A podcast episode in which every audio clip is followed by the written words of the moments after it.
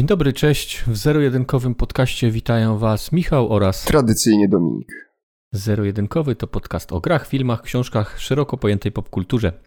W dzisiejszym odcinku, a jest to już nasz trzeci regularny podcast, trzeci odcinek naszego podcastu, chcielibyśmy porozmawiać o książkach.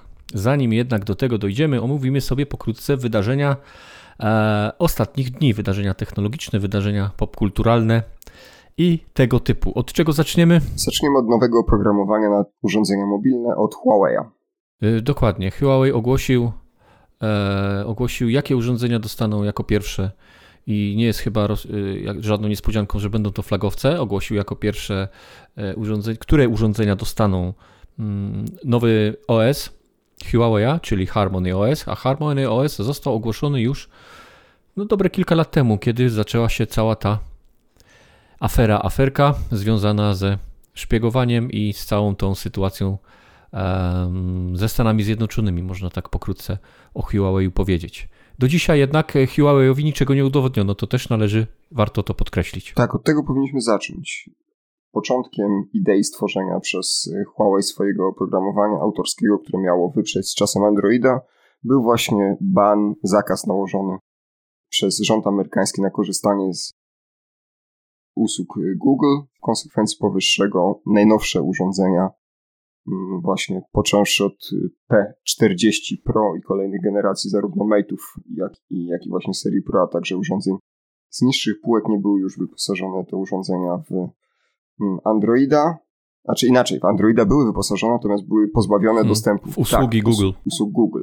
Oczywiście były pewnego rodzaju opcje na obejście tego zabezpieczenia, czy nie tyle zabezpieczenia, co mm, ograniczenia dostępności usług, natomiast w praktyce faktycznie wiązało to się z pewnymi zabiegami, które dla przeciętnego użytkownika okazywały się problematyczne, co z drugiej strony oznaczało, że wiele osób kupowało te urządzenia nieświadomie. To znaczy, znam osoby, które dostały fantastyczną promocję na zakup właśnie nowego Mate'a czy nowego innego telefonu ze stajni Huawei. Nagle, nagle okazywało się, że Google Maps nie działa, Gmail nie działa, nie można mm. skorzystać e, z dysku sieciowego Google Drive i paru innych.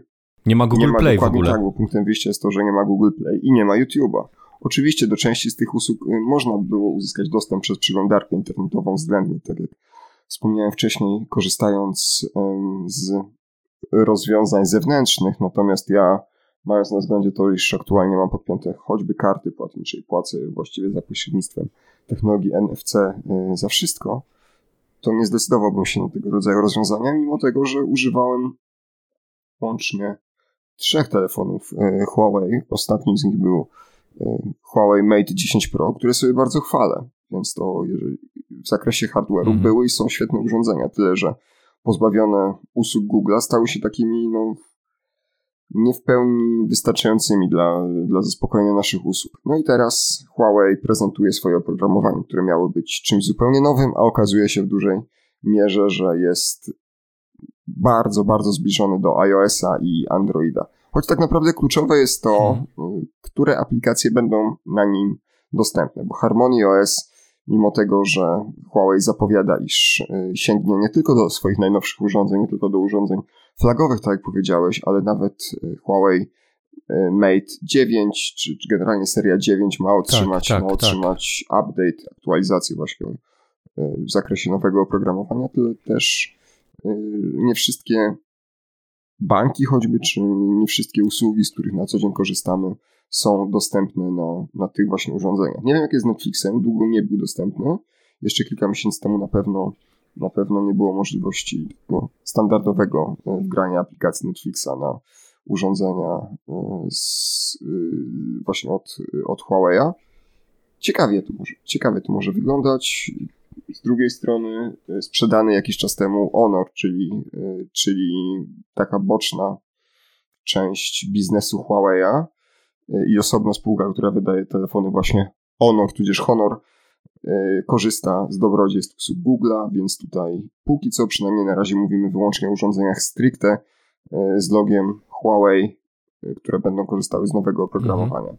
A też nie zapowiada się chyba mhm. jednak, że po zmianie władz w Stanach Zjednoczonych ten nałożony ban na usługi Google zostanie, jak wielu wcześniej oczekiwało zniesione bardzo szybko. Nie, prezydent Joe Biden e, kontynuuje w tym aspekcie politykę Trumpa i na pewno póki co e, zniesienie bana na Huawei, o zniesieniu bana na Huawei nie ma mowy. Ja sobie w międzyczasie e, sprawdziłem Netflixa i cały czas e, nie ma na App Gallery dostępnej aplikacji Netflixa, więc, więc Netflix na razie dla użytkowników Huawei jest niedostępny, oczywiście w tej formie takiej aplikacji, bo tak jak powiedziałeś, dość, dość łatwo, bardzo łatwo można E, można to wszystko obejść. Natomiast e, też e, słowem, tytułem dygresji, nie wiem czy słyszałeś, ale tak a propos wspomniałeś o płatnościach, w płatnościach mobilnych, to mm, LG Pay ostatecznie w listopadzie dokona swojego żywota.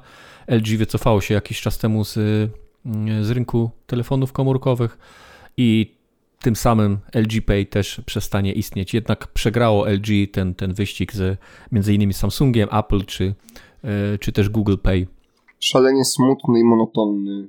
Nie tyle robi się, co jest rynek urządzeń mobilnych, przede wszystkim rynek. smartfonów. Ja sam mhm. w roku stanąłem przed wyborem właśnie nowego y, smartfona i mimo tego, że celowałem w pewnym momencie dość mocno w, no, nowego, y, nowego flagowca od Sony, czyli nadchodzącego też tutaj dziwna, dziwna nazwa jest stosowana przez, przez Japończyków, to znaczy jeden trzy tak naprawdę. Jeden Mark 3, One Mark 3, y, taka jest, taka jest nazwa tego spalowca. Jeszcze na rynku nie ma, ale oczekiwałem, że będzie troszkę wcześniej.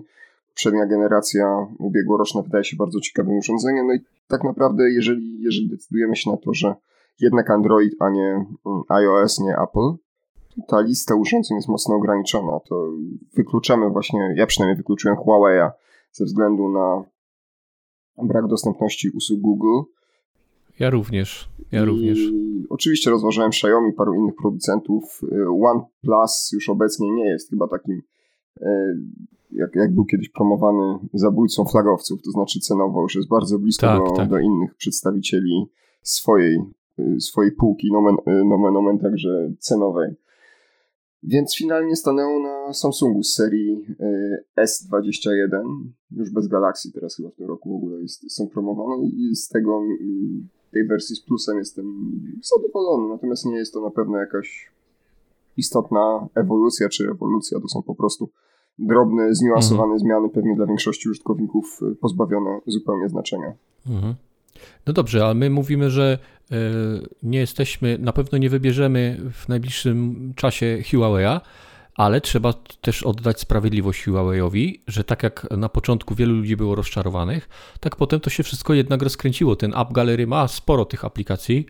E, ludzie zaczęli ufać temu, temu rozwiązaniu i Huawei wydaje mi się, że tak na świecie, oczywiście w, w, dobie pandemii te, te słupki poszły w dół, bo to jest oczywiste, ale Huawei e, ma swoich, nie chcę powiedzieć wyznawców, bo to takie jest pejoratywne E, słowo, ale ma swoich amatorów i, i chyba zawsze będzie miało. Nie, nie, za bardzo im ten ban Google'a nie pokrzyżował chyba szyków. No zmienili troszkę, zmienili troszkę strategię czy taktykę, ale cały czas mają klientów. To chciałem, to chciałem powiedzieć. No tak, bo ta konkurencja jest potrzebna na rynku, dlatego ja nawet rozglądałem się dalej, rozglądam się za nowymi honorami właśnie, które mam nadzieję będą wyposażone też w najnowszego Snapdragona, czyli 888, względnie mhm. tę wersję z plusem, która niebawem ma się pojawić. Mam nadzieję, że coś tutaj zacznie się dziać, bo nie wiem jak ciebie, ale mnie rozwiązania w postaci łamanych ekranów, czyli e, czy składanych ekranów, mówiąc, mówiąc prosto, jakoś nieszczególnie interesują.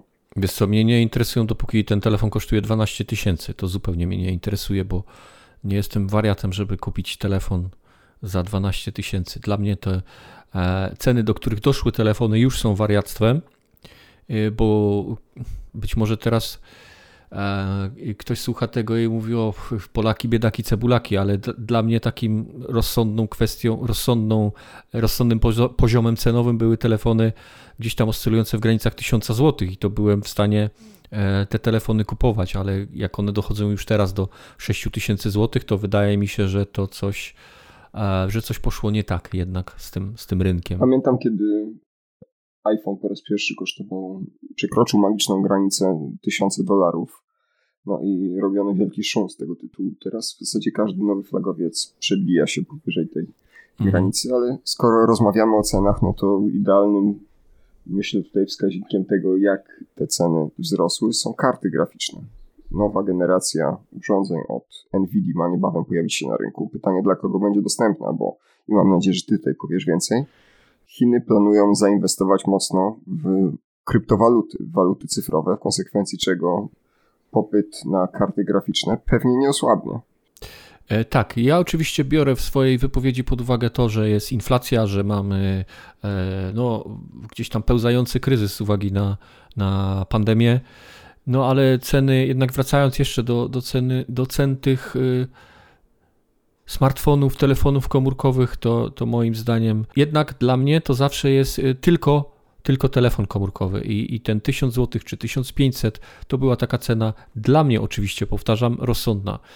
Nie chcę i nie będę wydawał e, 3 czy 6 tysięcy złotych, a już nie mówiąc o 12 na jakiegoś składańca, e, na, na po prostu na telefon komórkowy. Dla mnie ten Xiaomi, z którego korzystam i który kosztował gdzieś tam ponad 1000 złotych, doskonale się sprawuje. Ja nie potrzebuję takich, takich wodotrysków, żeby, e, żeby musiał sobie czy, czy komukolwiek coś udowadniać jakimś takim bardzo drogim telefonem. Tak, długo jakim postanowisz być instagramerem, tudzież innego rodzaju influencerem. Mm, I co? I wtedy muszę sobie zrobić zdjęcie takie, żeby w lustrze było, był widać model Koniecznie. telefonu, tak? No. No i dobra, i przechodzimy do drugiego tematu, na który, e, który sobie na dzisiaj przygotowaliśmy. To są właśnie kryptowaluty i walka Chin z tymi kryptowalutami, o czym już wspomniałeś. Chiny od 2017 roku starają się kryptowaluty ze swojego ekosystemu wyrzucić, jeżeli tak mogę powiedzieć. Najpierw w 2017 roku e, zablokowano możliwość prowadzenia biznesu opartego na giełdach kryptowalut w Chinach. E, potem wzięto się za. Za co się potem wzięto w Chinach? Wzięto się za sektor finansowy, tak? To były ostatnie już doniesienia, że sektor finansowy w Chinach nie może Y, opierać się w żadnym stopniu o kryptowaluty. A teraz, to co ma też związek z tym, co powiedziałeś, czyli z kartami graficznymi, teraz Chiny planują całkowity albo, albo częściowy, czasowy gdzieś wprowadzenie zakazu mm, organizowania i, i, i działalności y, kopalni kryptowalut, czyli, czyli tych takich instalacji, które są oparte o, o właśnie w głównej mierze, chyba że to się zmieniło, bo ja cały czas jeszcze żyję w na tym etapie, na którym kopanie bitcoina czy innych kryptowalut było oparte o, o GPU. Głównie o GPU, Być może to się zmieniło w niektórych. doniesienia mhm. wskazują na to, że także dyski twarde są wykorzystywane do kopania nowych tak, tak. kryptowalut. I, po, I pobiera to już tak kończąc tą myśl, pobiera to znaczne ilości energii, e, no i to gdzieś tak po, pod płaszczykiem tej, tej ekologii znowu Chiny chcą wprowadzić właśnie taki częściowy, bądź całościowy, bądź też czasowy zakaz e, działalności kopalni kryptowalut. Co za tym idzie, chcą wprowadzić, czy już wprowadzają własne, własną walutę elektroniczną, elektronicznego yuana, który oczywiście nie będzie e, typową kryptowalutą, bo będzie sterowany przez e, bank centralny, będzie normalną walutą, tyle że mm, gdzieś tam prowadzoną w sposób elektroniczny. Wszystkich nas to chyba czeka w pewnym momencie całkowita kontrola nad przepływem pieniądza. Nieprzypadkowo zresztą już teraz y, w Europie mhm. są takie naciski, nie tylko w Polsce zresztą, na to, żeby wszelkie płatności dokonywane były elektronicznie pod płaszczykiem pandemii, oczywiście, żeby nie wymieniać się fizycznie banknotami, ale oznacza mhm. to w praktyce, że państwo posiada pełną kontrolę nad każdym, każdym jednym przypadkiem, kiedy sięgamy do swojego portfela. No dobrze, ale to nie można tego zrobić na zwykłych walutach, a jedynie korzystać no, z tego, co na z tego, co, z czego korzystamy na co dzień, czyli e, z przelewów elektronicznych.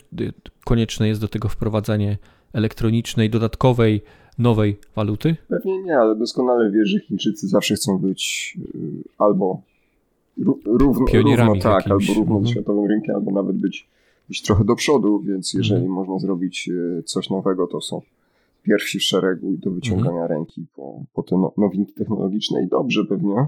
Aczkolwiek, y, czy to faktycznie wyruguje z obrotu kryptowaluty, śmiem wątpić. Okej, okay, a tak już kończąc temat kryptowalut i, i jakby oddając im troszkę jeszcze E, należnego szacunku, jeżeli tak mogę powiedzieć, bo kryptowaluty straciły, jeżeli chodzi o notowania giełd kryptowalutowych, to straciły w ostatnim czasie dość dużo. To jest związane właśnie z tymi działaniami, które opisaliśmy już, które dotyczą Chin, ale również e, no, dość niestabilnej postawy odnośnie kryptowalut Elona Muska, który potrafi w jeden dzień e, tweetować, jak to bardzo nie kocha kryptowalut, a na drugi dzień tweetować, że Tesla wycofuje się ze wszystkich operacji kryptowalutowych, nie będzie już przyjmować kryptowalut i w ogóle kryptowaluty to ca zło całego świata odpowiadają za zanieczyszczenie powietrza i tak dalej, i tak.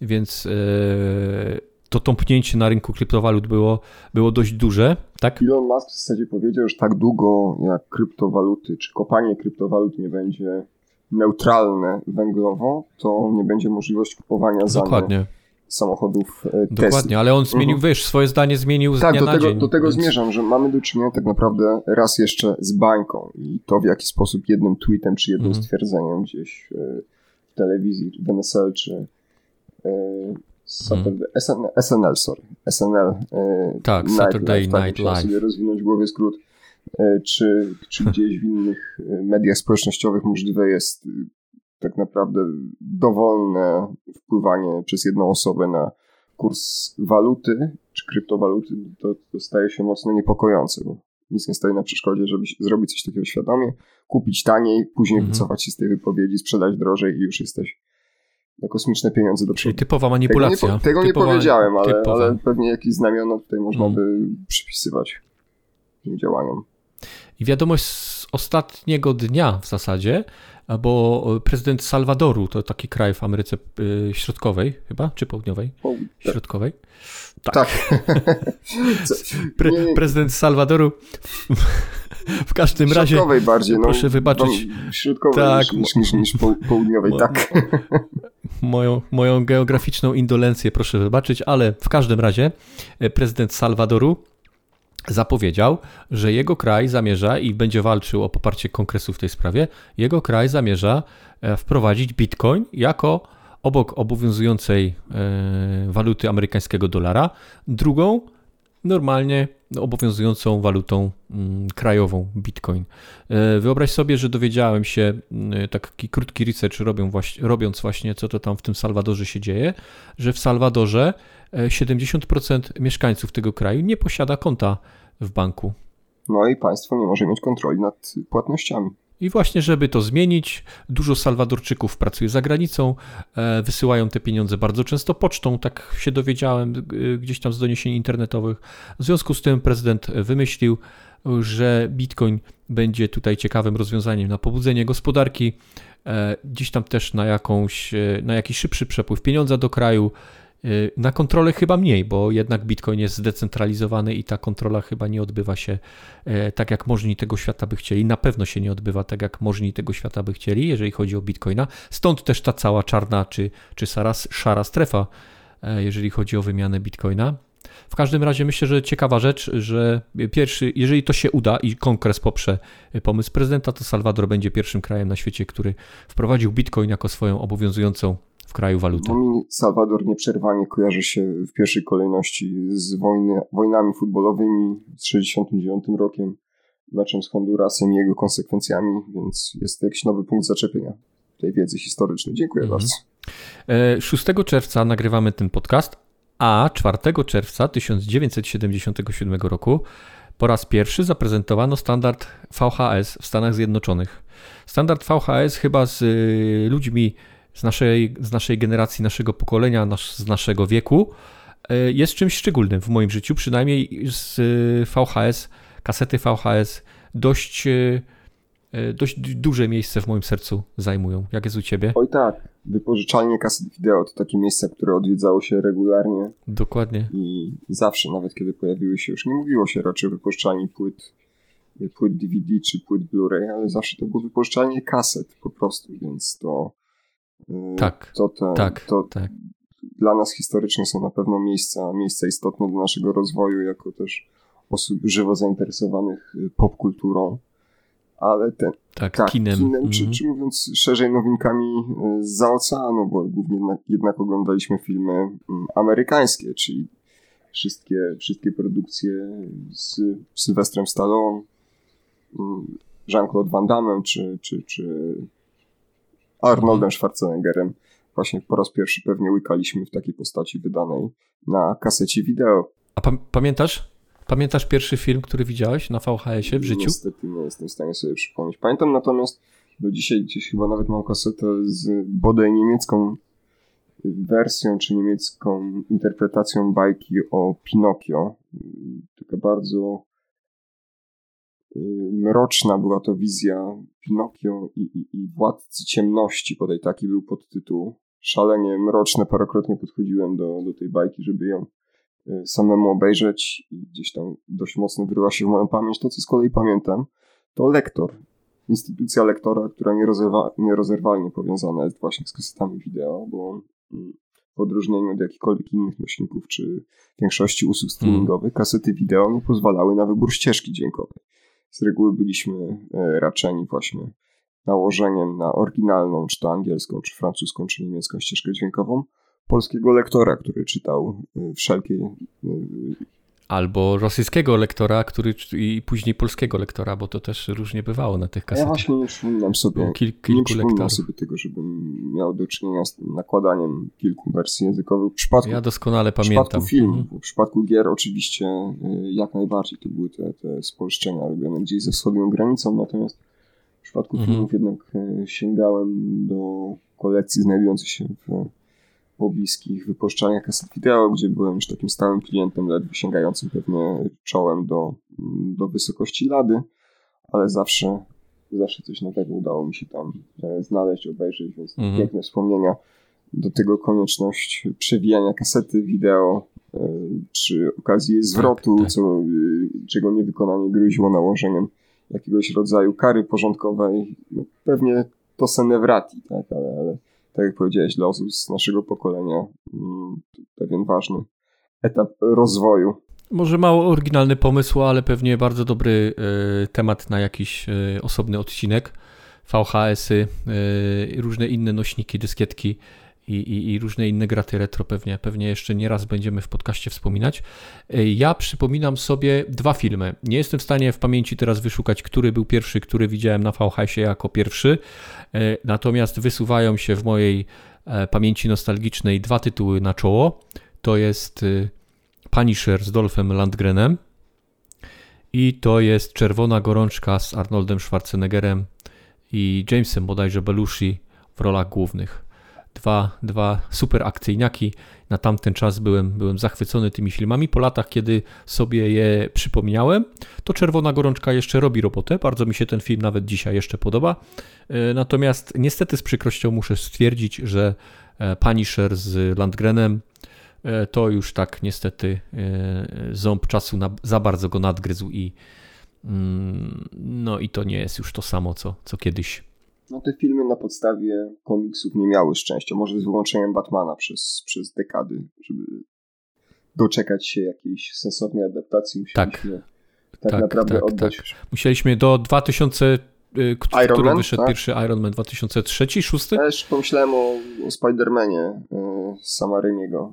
Tak, e, ale to... O tak, tak, tak. To też była solidna, solidna porcja, oprócz chyba trzeciej części, bo trzecia część to już była taka a z Sandmanem. To prawda. I, z Venomem zdaje się, tak? Trzecia część. Druga była całkiem, chyba druga była najlepsza w ogóle.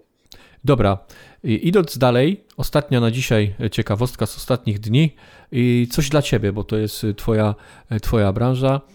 Znowu spór o prawa autorskie i to w branży gier komputerowych. I znowu Resident Evil. E, Capcom. I znowu Resident Evil i Capcom gdzieś tam został oskarżony o używanie Czego? Tekstur, tak? Grafiki. Tak, to ma związek, z książki pewnej to ma pani. związek z wyciekiem danych najprawdopodobniej i akurat po wielu latach zdano sobie sprawę, czy, czy osoba, której rzekomo majątkowe prawa autorskie została naruszona, sformułowała roszczenie o e, zapłatę wynikającą właśnie z wykorzystania w grze Resident Evil 4 e, i jeszcze mhm. kilku innych graczy z Capcom e, jej mhm. twórczości, głównie na potrzeby właśnie tekstur wykorzystywanych w grze Akurat tutaj mowa o grach, które zajmują szczególne miejsce w moim sercu, bo Resident Evil 4 to jest zdecydowanie moja mm, ulubiona odsłona serii, jedna z najlepszych y, gier w historii, do której regularnie wracałem przez lata, y, ale te elementy, o których rozmawiamy są po prostu no nie chcę powiedzieć jakieś, ale, ale rysunki czy, czy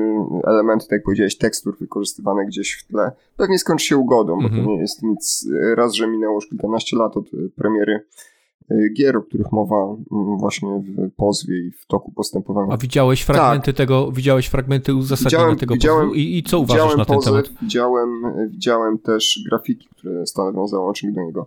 No oczywiście większość z nich wygląda po prostu jak typowa, typowe działanie na zasadzie Ctrl-C, Ctrl-V, Natomiast jak to wpłynęło faktycznie obecnie, jak wpłynęła obecność tego rodzaju mm, grafik na, na sukces gry? Pewnie niewiele. I tutaj dochodzimy raz jeszcze do tej zasady w przypadku prawa autorskiego o tym, że co do zasady można będzie winę udowodnić, znaczy winę, no działanie stanowiące naruszenie majątkowych praw autorskich osób trzecich. Natomiast wykazanie wysokości szkody y, w kontekście, mm, w kontekście też sprzedaży gry będzie mocno problematycznym. Myślę, że pani dostanie dwukrotność wynagrodzenia, którą powinna dostać, e, gdyby udzieliła licencji na mhm. wykorzystanie tego rodzaju grafiki. I na tym się skończy. Prawdopodobnie też to zakończy się mhm. to tak mówię, ugodą. Nie jest to jakieś spektakularne wydarzenie, ale zwraca uwagę na, na to, że faktycznie raz na jakiś czas tego rodzaju kwiatki wychodzą. No bo wskazanie mhm. na drzwi, które, bo tam jednym z dowodów miały być choćby grafiki przedstawiające drzwi wykorzystane w remake'u tak, tak. E, gry Resident, pierwszej części Resident Evil.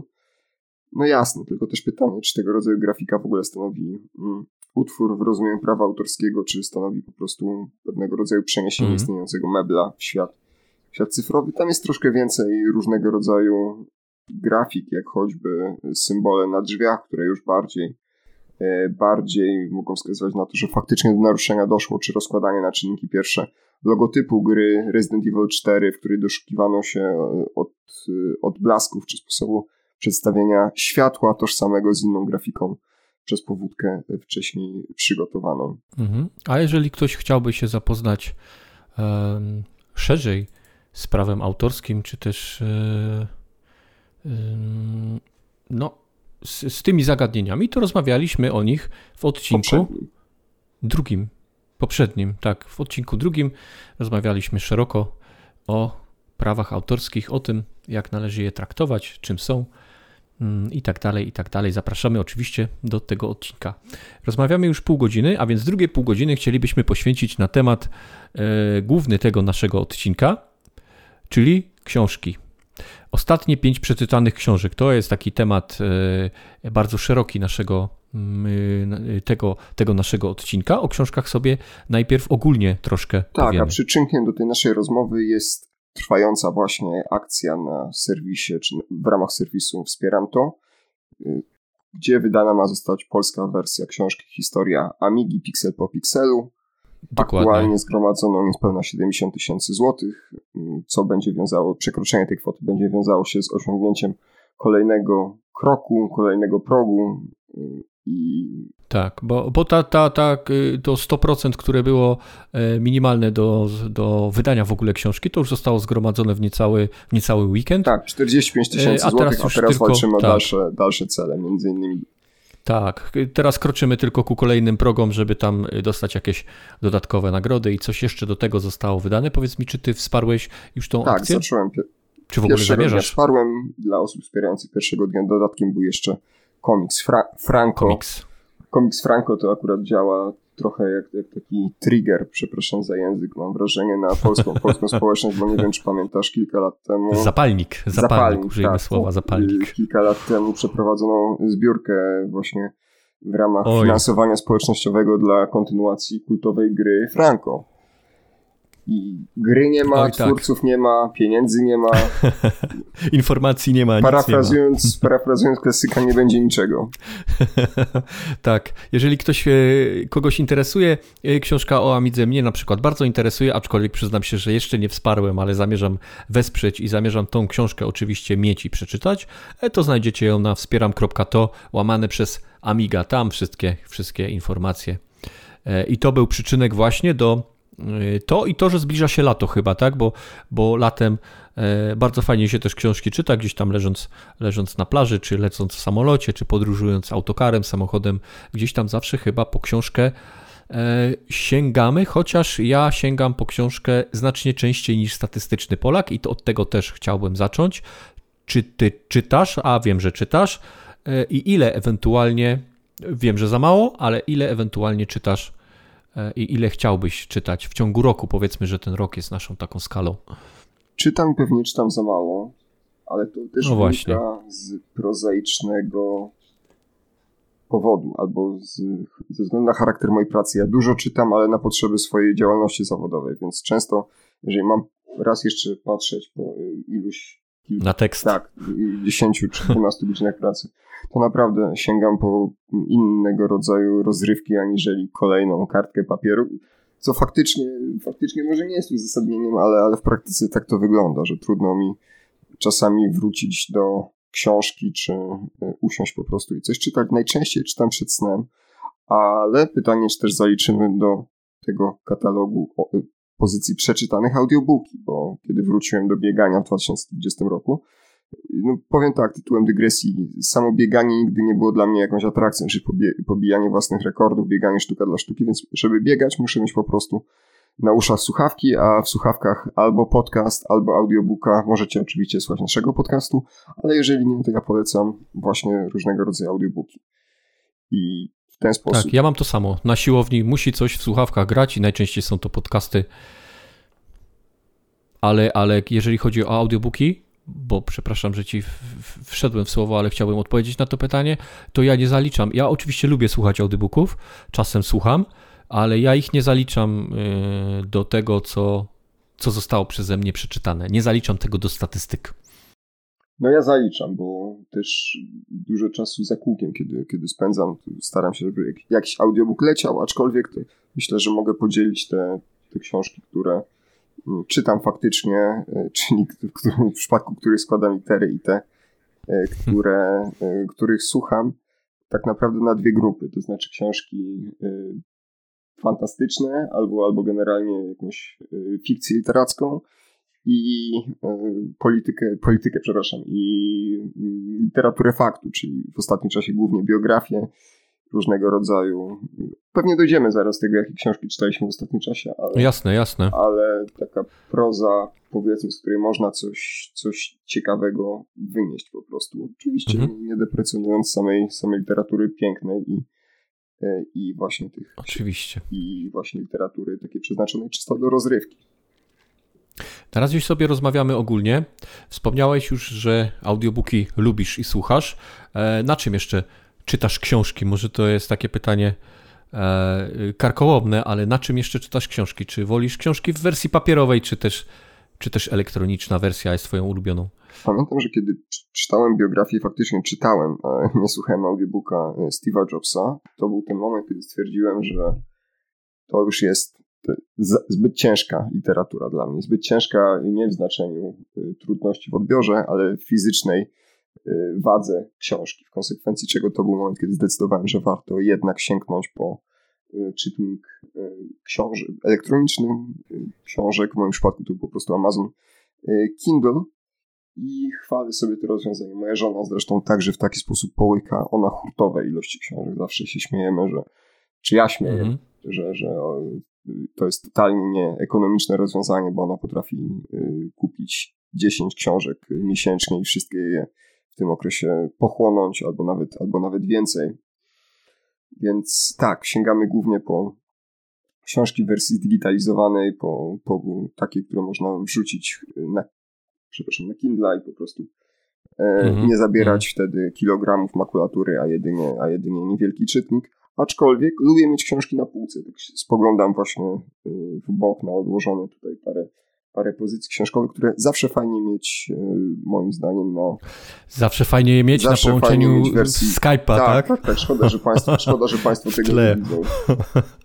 Każdy teraz musi. Y, pandemia wymusiła to, że w, w, telewizji bardzo często tak zwani eksperci wypowiadają się e, i w pewnym momencie na tle książek zrobiła się taka moda. Wszyscy wypowiadali się na tle książek, aż w pewnym momencie było to już po prostu kuriozalne, bo, bo wszyscy musieli mieć to tło z tyłu. Tak, tak. I jeszcze analiza w dodatku, jakież to książki tam są na pewno musiały być...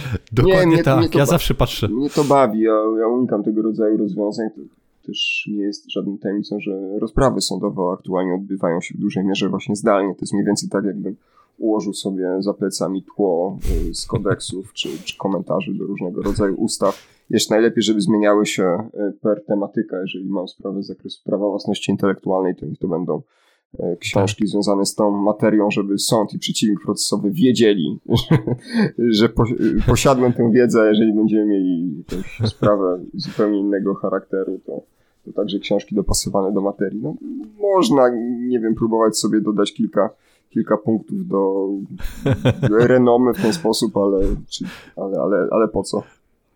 Ale lubię popatrzeć, kto tam właśnie ma jakie tytuły na tych półkach, a lubię też popatrzeć, czy ktoś ma, ma porządek na tych półkach, bo czasem to wygląda fatalnie, jak te książki są tak wrzucone.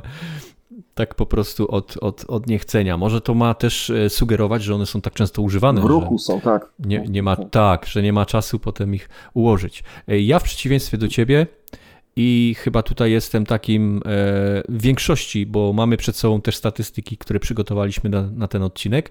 E, wolę książki w formie papierowej. Przy całej swojej e, jakby digitalizowanej duszy, bo bardzo używam sprzętów elektronicznych, tak jak każdy zresztą na co dzień i te sprzęty kocham i, i internet kocham i tak dalej, to jednak dla mnie książka istnieje tylko w formie, formie papierowej. Nawet za cenę tego, że muszę ją e, spakować gdzieś do samolotu mm, i są tu dodatkowe kilogramy, te dwie czy trzy książki, no to jednak forma papierowa u mnie zawsze, zawsze wygrywa.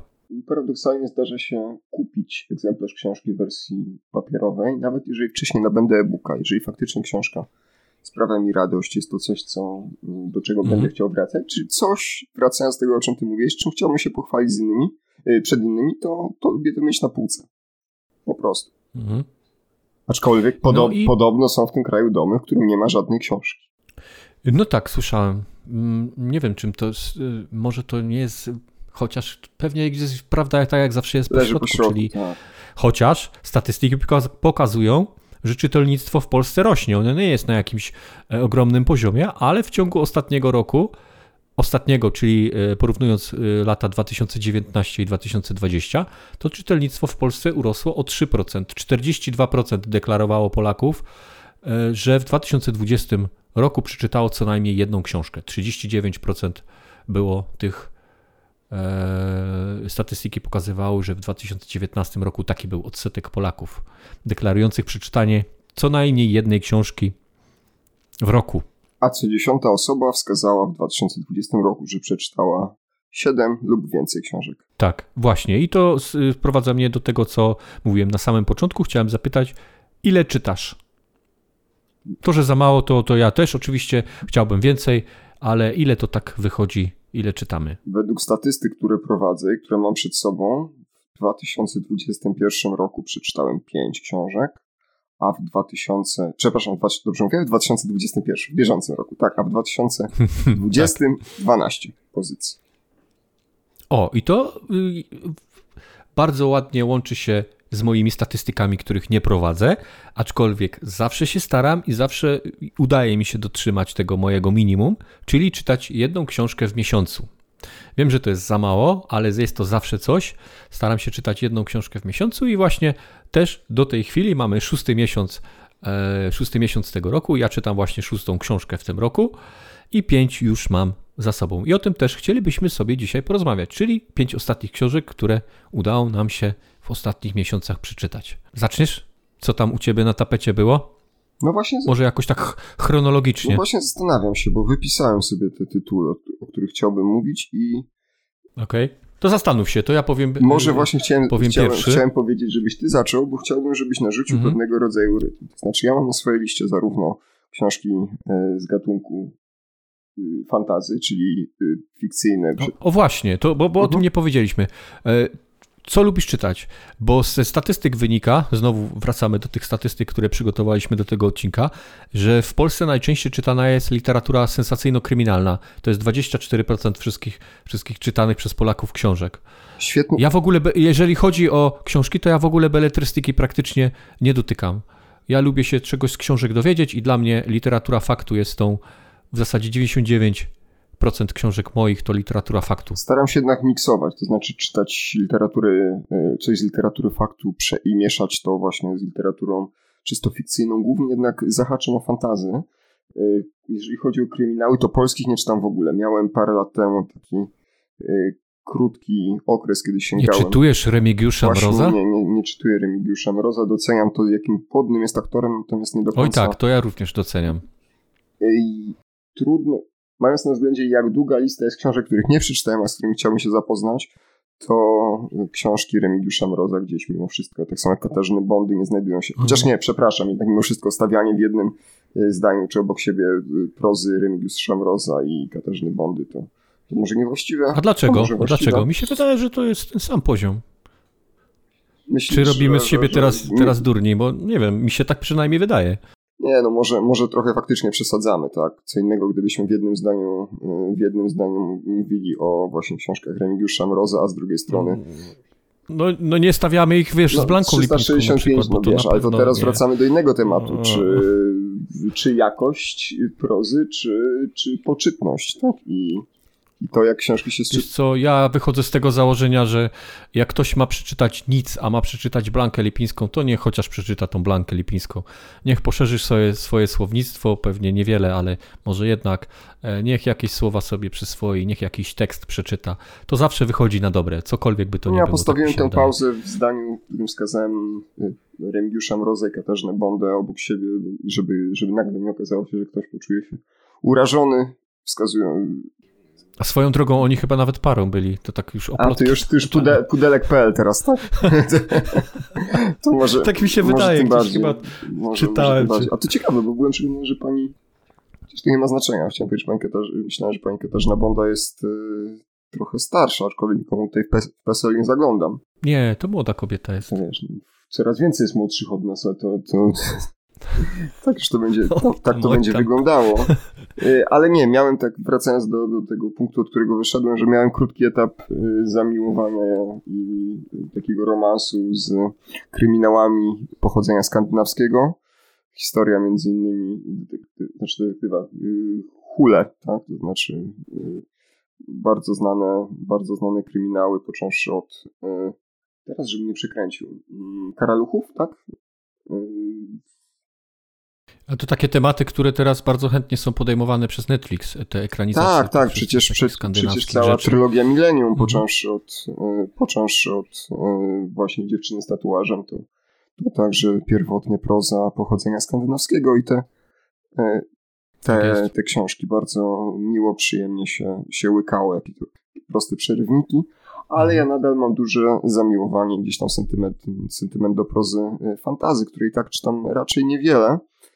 Nad czym ubolewa moja żona z kolei, która po wielu latach y, pracy takiej u podstaw w końcu skończyła pracę nad swoją pierwszą książką.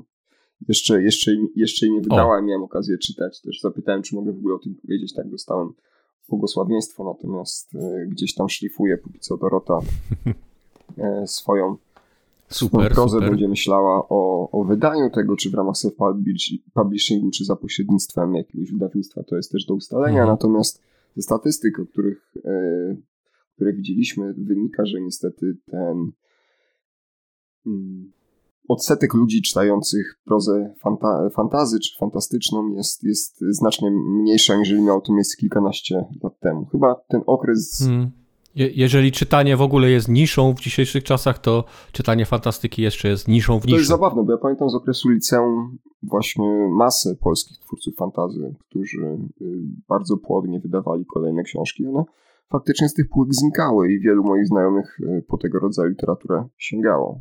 Mhm. Dobra, Czas nas nagli, więc do przechodzimy do Moje tych pytanie, tytułów, czy które chciałbyś zacząć chcieliśmy... od literatury Tak. faktu? No tak, to ja zacznę. To ja zacznę i pojadę chronologicznie, czyli od e, tytułu, który, e, który przeczytałem e, jako, jak, nie wiem czy jako pierwszy mogę powiedzieć, jako e, nie ostatni, czyli, czyli ostatni w sensie odwrotności. E, to jest e, temat Wszyscy kłamią. Książka ma, ma tytuł Wszyscy kłamią. Jej autorem jest Seth Stevens Dawidowicz. To jest dziennikarz New York Timesa. Specjalizuje się w analizie danych. E, Pracował dla Google.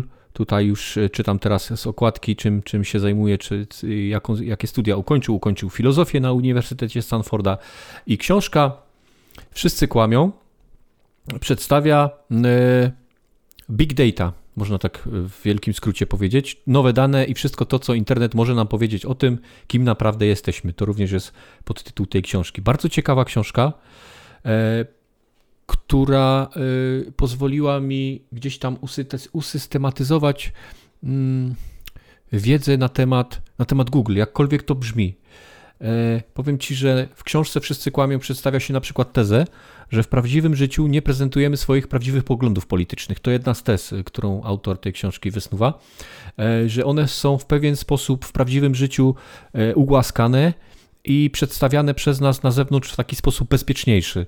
Dopiero wyszukiwarka internetowa, czyli to, co robimy w zaciszu swojego domu w wyszukiwarce, pokazuje prawdę o tym, jak kim człowiekiem naprawdę jesteśmy, czyli nasze poparcie na przykład dla radykalnych ruchów i partii, e, czy pokazuje to, że jesteśmy na przykład rasistami, to wszystko można wyczytać z naszych komputerów i z tego, co wpisujemy do Google i do danych, które później jakoś oczywiście zanonimizowane, mm, zanonimizowane są te dane, e, później pokazuje to wszystko to, jakim, jakim społeczeństwem jesteśmy. Bardzo ciekawa książka Bestseller e, New York Timesa Wszyscy kłamią. E, polecam każdemu, kto, kto zajmuje się e, dziennikarstwem, analizowaniem danych i tego typu pokrewnymi, pokrewnymi dziedzinami. Powiedziałeś o absolwencie Uniwersytetu Stanforda, to ja zostając w tym temacie, bo właśnie też kwestia uczelni wyższej Stanforda przewija się w książce, o której ja chciałbym powiedzieć kilka słów, a jest nią Sztuka Zwycięstwa, wspomnienia twórcy Nike, jest to biografia Phila Knighta, czyli założyciela jednej z najbardziej obecnie znanych y, marek y, tworzących nie tylko y, buty sportowe, ale także, ale także odzież sportową. Mhm. Jest to przede wszystkim historia tego, jak można gonić za marzeniami, w jaki sposób, zaczynając od naprawdę małego projektu, można z czasem urosnąć czy stworzyć spółkę, przedsiębiorstwo o zasięgu globalnym, kierowane jednocześnie misją, które w swoim działaniu nie zapomina o ludziach, co jest y, tak jednak powszechne dla kultury korpo.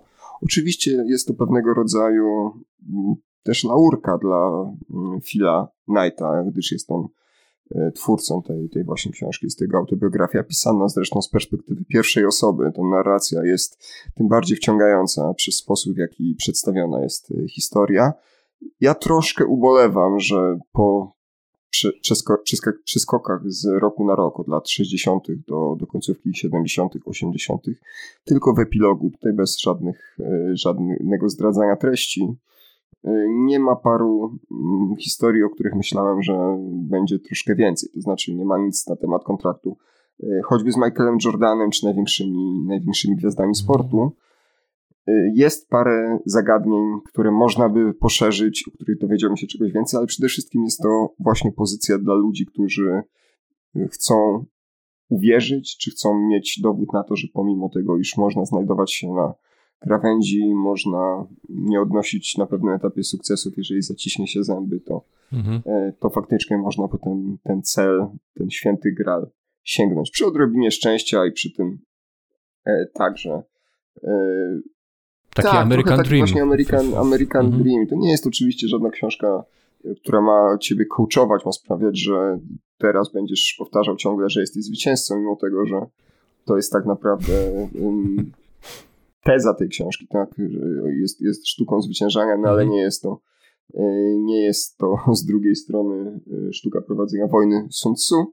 Natomiast bardzo, bardzo ciekawa biografia pełna smaczków i raz jeszcze, podobnie jak miało to miejsce przypadku wojny, wojen konsol, czy wojny konsolowej yy, Blake'a J. Harrisa opowiadającego historię potyczki pomiędzy Segą a Sony, a przepraszam, Segą a Nintendo.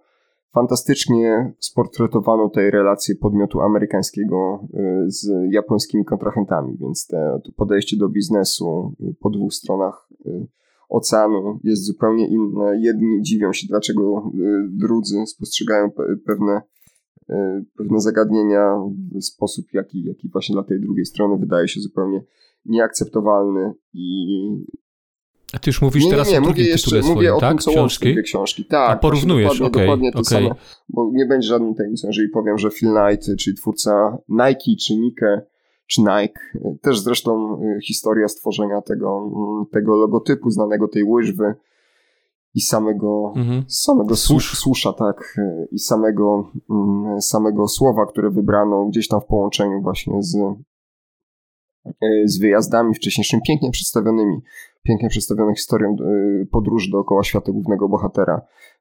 Gdzieś to właśnie jest powiązane z Japonią, gdyż pierwsze egzemplarze buty właśnie jako E, dystrybutor Knight ściągał e, z Japonii.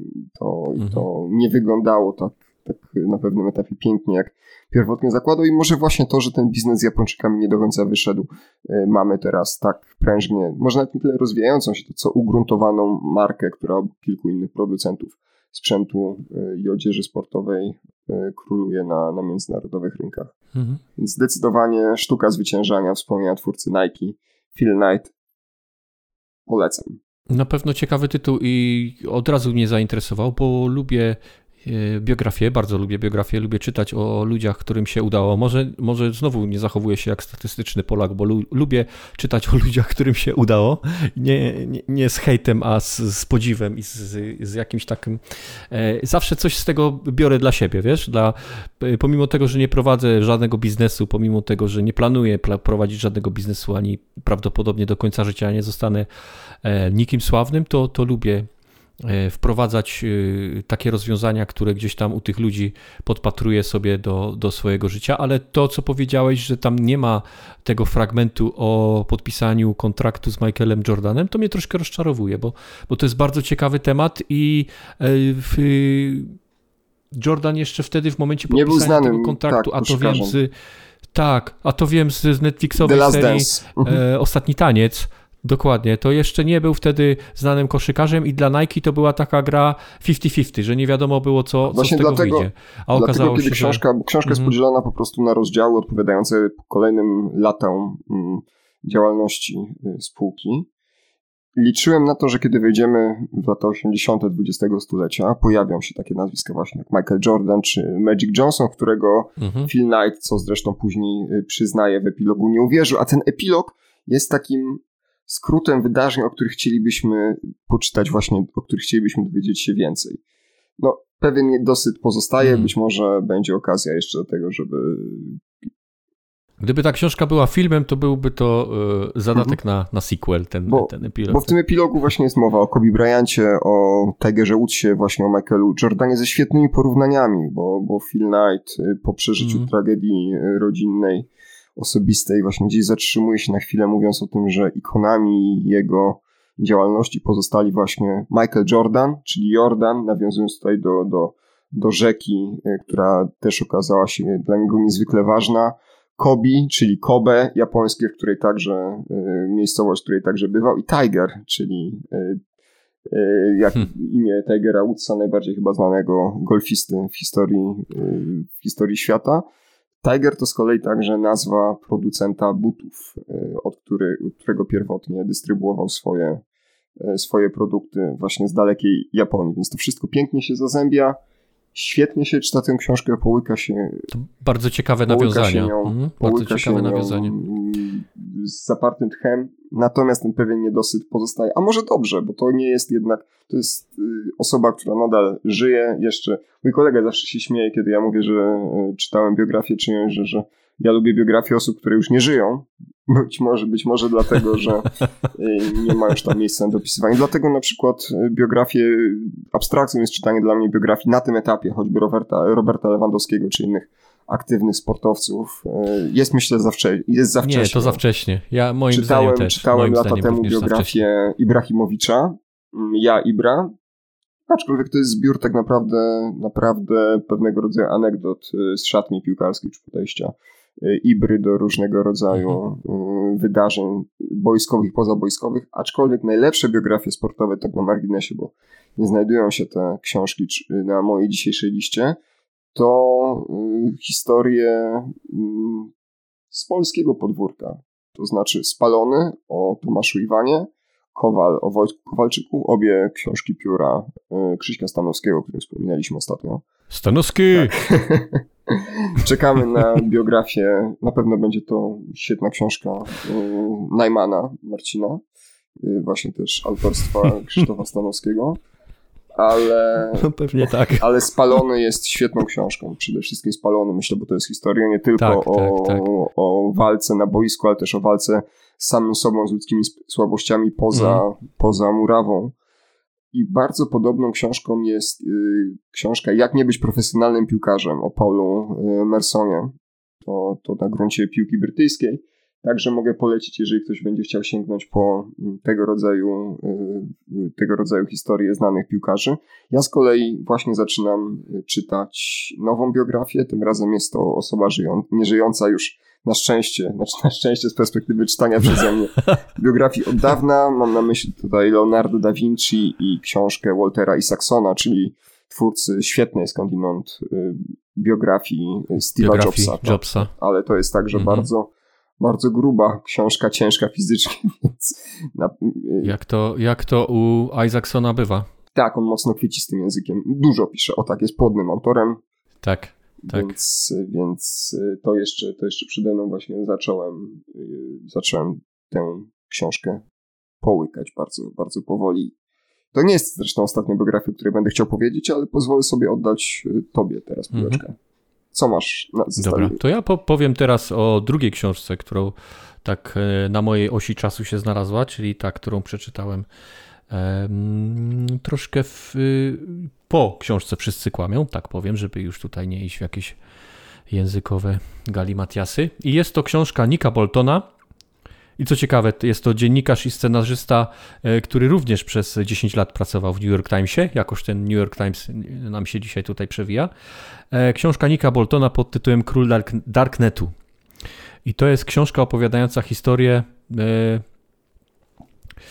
E, to jest książka opowiadająca historię Rossa Olbrichta, człowieka, który w 2003 roku czy to było później? Już teraz nie jestem w stanie sobie przypomnieć. Przepraszam, jeżeli, jeżeli to kogoś uraziło, że nie pamiętam tego, co czytałem. W każdym razie nie to było najważniejsze. Najważniejsze było to, e, że Ross Ulbricht był człowiekiem, który założył swego czasu sklep, e, w którym można było kupić takie towary, takie Allegro, w darknecie, czyli w tej ukrytej części internetu, w której można było kupić e, narkotyki. Pierwotnie były to grzybki halucynogenne, później dołączono do tego różnego rodzaju inne narkotyki, w tym e, twarde narkotyki. E, później w Silk Road, bo tak nazywał się ten sklep, czyli, czyli jedwabny szlak. Później w Silk Road można było nabyć broń, E, a później w Silk Road można było również nabyć e, morderstwo na zlecenie, więc e, swego czasu Ross Ulbricht był najbardziej poszukiwanym przestępcą w Stanach Zjednoczonych. Dość długo go szukano, bo Ross Ulbricht stosował bardzo ciekawe metody, jeżeli chodzi o ukrywanie swojej tożsamości. I to, jakie metody on stosował, jest bardzo ciekawe, ale to, jak rozszyfrowywali go agenci FBI i kilku innych też instytucji, bo to było łączone śledztwo, też jest bardzo ciekawym, e, ciekawym motywem. Tutaj można też zahaczyć o różnego rodzaju techniki białego wywiadu, czyli tak zwanego OSINT-u. E, bardzo ciekawa książka. E, co ciekawe, na tej samej podstawie, chociaż nie na podstawie tej książki, ale na, na podstawie tej samej historii powstał film, który w tym roku miał premierę i nazywa się właśnie Silk Road. Mm, film, no pokazuje historię Rossa Albrichta, ale e, nie w taki sposób, jak ja chciałbym tą, tą historię widzieć. Natomiast e, zdecydowanie polecam bardziej książkę niż, niż film. W filmie Rossa Albrichta gra zupełnie nieznany aktor, natomiast, natomiast e, gra tam jeszcze rolę mm, policjanta, który go śledzi nie jestem sobie w stanie teraz przypomnieć, ale ten aktor grał Planecie Małp. Nie wiem, czy jesteś w stanie mi teraz powiedzieć, który aktor grał w Planecie ale ma... Małp. Dobra, nieważne. W każdym razie film nie jest godny. James Franco? Masz na, mogę masz skończyć, na myśli? Nie, nie, nie, nie. Mam na myśli już te, te po, po, tych, po tych z Jamesem Franco filmach. Grał też nazistę w, w kryptonimie ha, ha, ha, ha, ha. Czy Taki, taki był film. To może inaczej, kogo grał, żebyśmy nie zgadywali? Ech, Jezus, jak... Bo nie masz pewnie na myśli Gary Goldmana, zakładam. Nie, nie. Grał tego nazistę, na którego mm, Czesi zrobili zamach. No, dobra, nieważne. W każdym razie y, film nie jest godny uwagi, natomiast książka jest godna uwagi, jeżeli ktoś chce się zapoznać z historią Rossa Albrichta, z historią powstania sklepu Silk Road, z historią upadku tego sklepu i z historią schwytania tegoż Rossa Albrichta, bo to bardzo ciekawe, ciekawe rzeczy. To był mój tytuł numer dwa. A moim tytułem numer dwa jest także biografia, także osoby nieżyjące, znaczy także osoby nieżyjącej. Tutaj akurat już zupełnie poważnie, bo, bo to jest y, nie tak ciekawe, może nie tak nieciekawe, przepraszam, źle, to bezsprzecznie bardzo ciekawa, ale nie tak pozytywna y, skądinąd historia. Mam na myśli tę biografię zatytułowaną Robin, czyli biografię Robina Williamsa, autorstwa Dave'a Itzkoffa. Jest to historia postaci, która przez lata wydawała się nam, osobom oglądającym filmy, mm, właśnie z Robinem Williamsem, począwszy od... Przepraszam, przepraszam. Mhm. Chciałbym dopowiedzieć, bo sobie już wygooglowałem, że aktor ten nazywa się Jason Clark, oczywiście, no i grał w tym filmie, o którym wspominałem, Reinharda Heydricha, czyli e, Kata, Czech i Moraw. Dziękuję. Gdzie byliśmy? Robin Williams. Y, tak, tak, tak, nie, śmieję się tak. oczywiście. Więc postać, fantastyczny aktor komediowy, znany między innymi z takich przebojowych produkcji z lat 90., jak y, Pani Dubfire, Jumanji, później już nie tak doskonałych produkcji, jak choćby Flabber, i, a w ostatnich latach swojego życia y, z serii Noc w Muzeum. I wydawać by się mogło, że jest to aktor, który osiągnął wszystko. Był na szczycie, był na szczycie nowego firmamentu, osiągał fantastyczne wyniki, choćby przecież e, nominacje i nagrody e, e, Akademii Filmowej, Oscary, wynikające z jego ról w takich filmach jak Buntownik z Wyboru, czy bodaj najbardziej znana produkcja Stowarzyszenia Umarłych Poetów. I za tą fasadą mhm. niestety kryje się historia człowieka, który był bardzo niepewny siebie, który bardzo długo szukał swojego miejsca na Ziemi, który był szalenie podatny na ocenę przez innych, i może to jest coś, co z tej książki każdy dla siebie może, może wynieść, że nie warto patrzeć na siebie tylko przez pryzmat oczu innych ludzi i swego rodzaju odbicia właśnie w ich oczach a też osoby, która zmagała się z problemem narkotykowym przez długie lata, z przerwami, ale, ale jednak ta, ta kwestia hmm. jest nadal, to znaczy nadal przez całe jego życie była, była gdzieś obecna.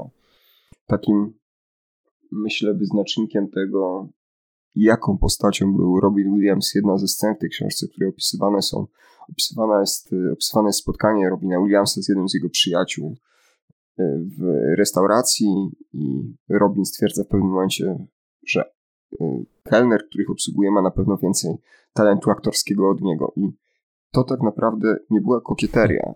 To był problem, poważna depresja, z którą Robin Williams zmagał się przez lata i depresja, która doprowadziła go na, na skraj, bo też y, po latach, gdzie, gdzie zaczynała rozwijać się w jego organizmie choroba, tracił tak naprawdę ten swój y, blask, ten swój błysk, który charakteryzował go jako fantastycznego aktora komediowego, który także odnajdywał się w innych gatunkach e, filmowych, choć, choć zaczynał właśnie jako stand-uper, aczkolwiek wtedy pewnie jeszcze mm, samo, samo pojęcie stand-upu było, było mniej znane aniżeli teraz.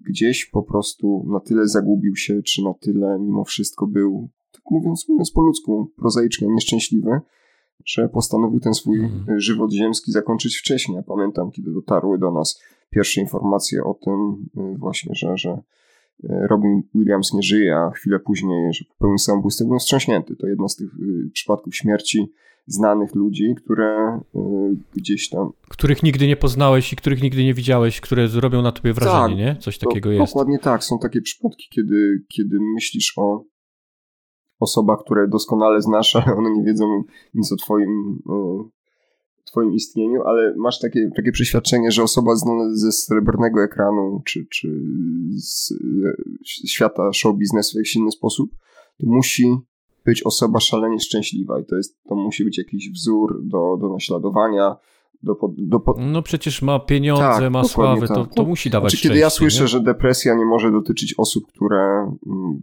które mają pieniądze, to łapie się za głowę i to jest totalne niezrozumienie, niezrozumienie tematu. Mówi się zresztą, że depresja jest chorobą mm.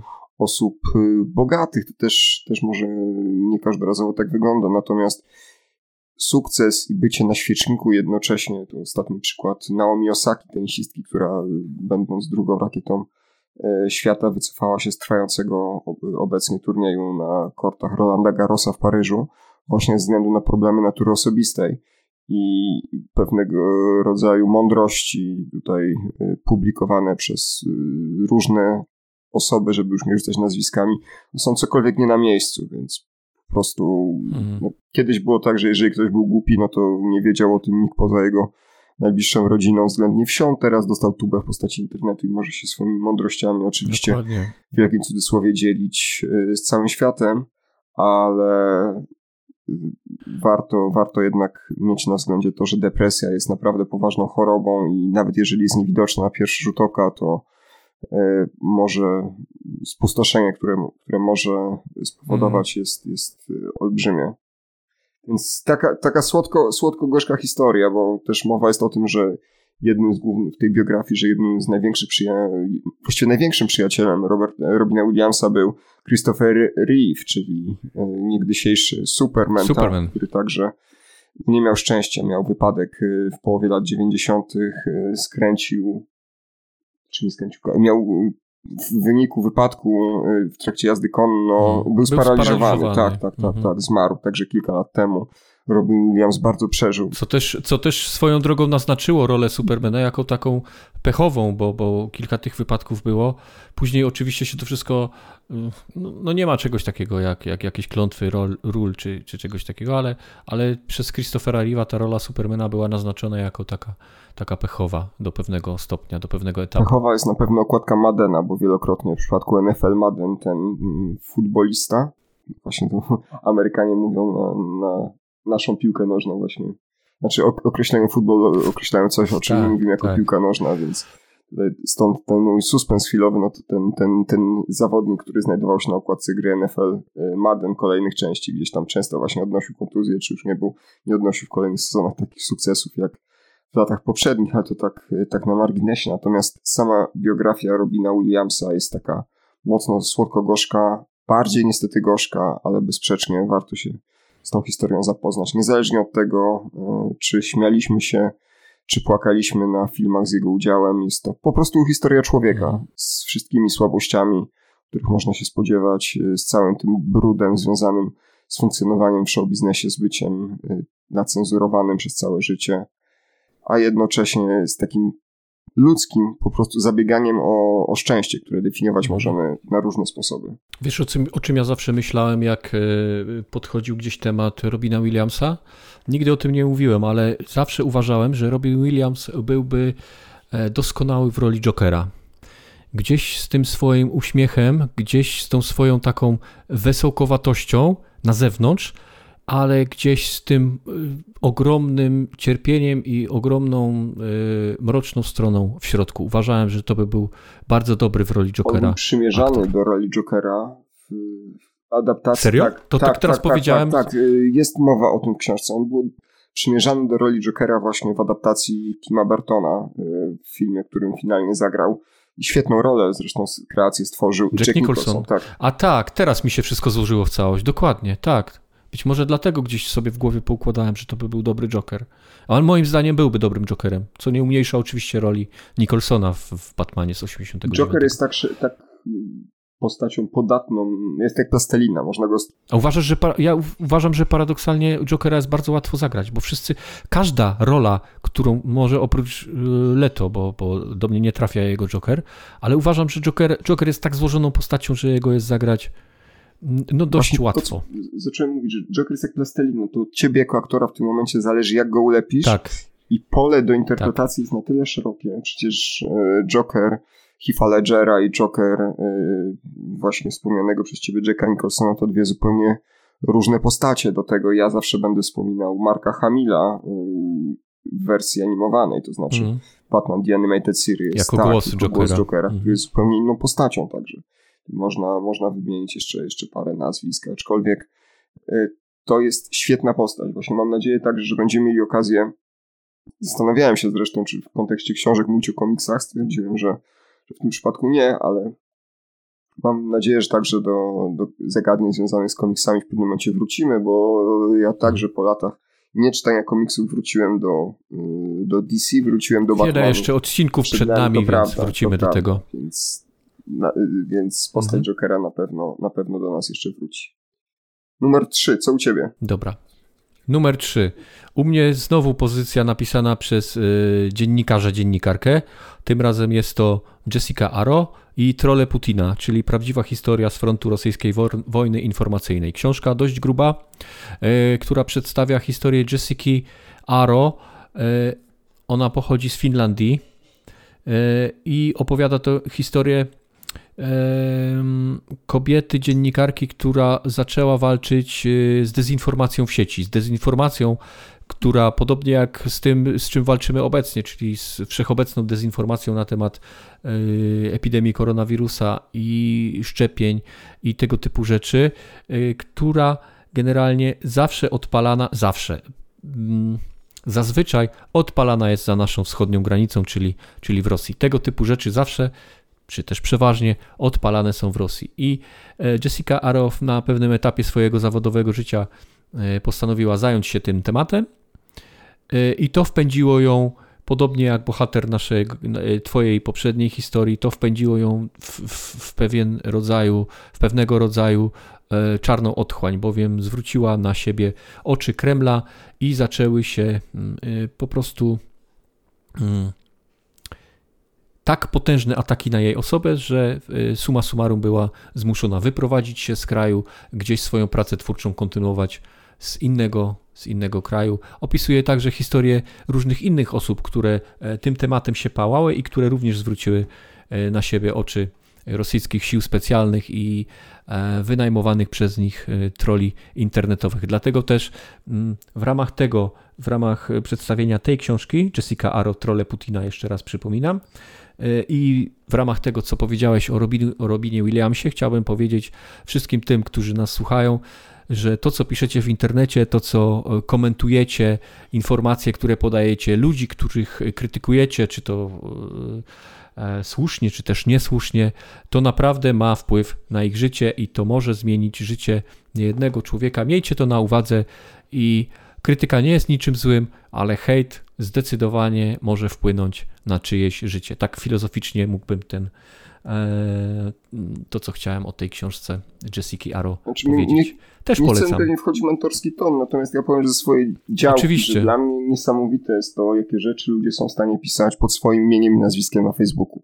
Bo ile kiedyś w dobie tak, tak zwanego internetu 2.0, kiedy pojawiły się opcje komentowania artykułów i podpisywaliśmy się dzwoneczek, słoneczko, Krysia, Magda, Dominiś, Michałek i tak dalej, e, to wyglądało trochę inaczej, a jestem naprawdę wstrząśnięty i też zmieszany często, e, widząc jakie treści ludzie wylewają z siebie e, w mm. internecie pod swoim. Pewnie też temat na, na osobny odcinek, bo ja pamiętam czasy wczesnego internetu w Polsce, a to był mniej więcej rok 98, kiedy internet opierał się, nie było jeszcze komunikatorów, o internet opierał mm. się gdzieś tam na jakieś zalążki czatów, szukało się jakichś, jakichś czatów, na których można było e, po, porozmawiać I, I, internet się opierał jeszcze wtedy o grupy usenetowe. Albo o IRCA, właśnie, MIRCA albo o IRCA i to były naprawdę fajne, kulturalne rozmowy. Można było się wymienić e, jakimiś tematami, można było się wymienić zdaniem na jakiś temat, ale wtedy nie było takiej nienawiści, takiego hejtu, wylewania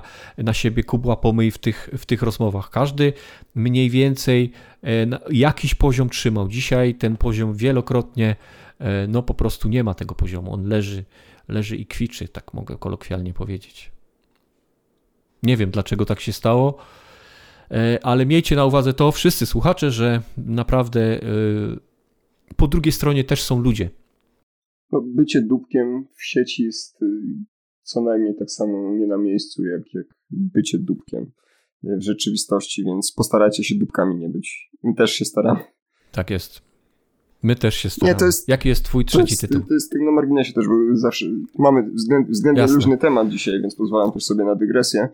To jest jeden z powodów, dla których ja staram się nie wchodzić w polemikę mm, zagadnienia polityczne na, na Facebooku, czy gdzieś generalnie w internecie. Nie wynika to z jakichś, jakichś braku przekonań co do, co do braku swoich, poglądów. Tak, do swoich Mhm. poglądów, natomiast mam takie przeświadczenie, że pewnych osób i tak do, do określonej treści nie przekonam, a jeżeli będę po, tylko pozostawał w tej swojej bańce, gdzie ludzie mają podobne poglądy jak ja, to, to także niczego, niczego nie wniesie. Mhm. Jaki jest twój trzeci tytuł? Trzeci mój tytuł, mówisz o Rosji, to ja zahaczę o Rosję, ale tym razem w zupełnie innym wydaniu, bo mm, od literatury faktu przejdę do literatury fantastycznej. Co więcej, postaram Okej. się powiedzieć parę słów na temat y, polskiego autora. Mam na myśli tutaj Roberta J.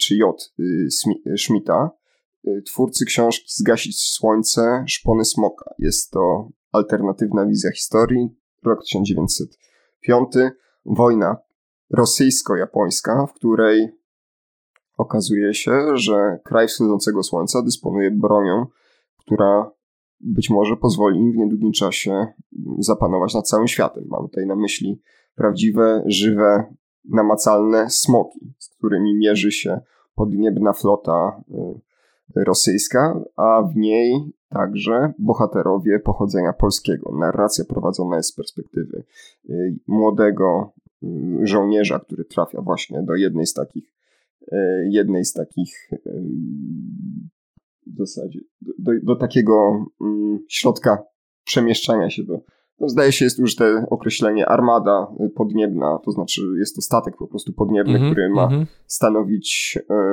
mm, przeciwwagę dla, dla prawdziwych smoków będących na, na usługach cesarza japońskiego i właśnie pochodzący z Polski e, młody chłopak e, e, znajduje się w centrum wydarzeń, trafia nad, nad niebo, znaczy trafia na niebo nad Tokio, gdzie dochodzi do wielkiej bitwy. Opis tej bitwy bardzo taki detaliczny zajmuje sporą część książki, natomiast dalsza część historii to m.in. jego wizyta w obozie i tutaj zaczynamy kwestię alternatywnej wizji historii, bo pojawiają się postacie znane e, z kart właśnie naszej historii początku XX wieku e, z samym Józefem Piłsudskim na czele, który ale nie będę Mhm. zdradzał, może, co zamierza, Wiesz co, bardzo lubię takie historie, które gdzieś tam e, mają taką rozszerzoną rzeczywistość, czyli e, wplecione w wydarzenia historyczne, które naprawdę miały miejsce, gdzieś wplecione są te e, kompletnie wymyślone. Lubię, lubię Tak, takie właśnie klimaty. dlatego ja po tę książkę sięgnąłem, bo podobnie jak ma to miejsce często w historiach znanych serii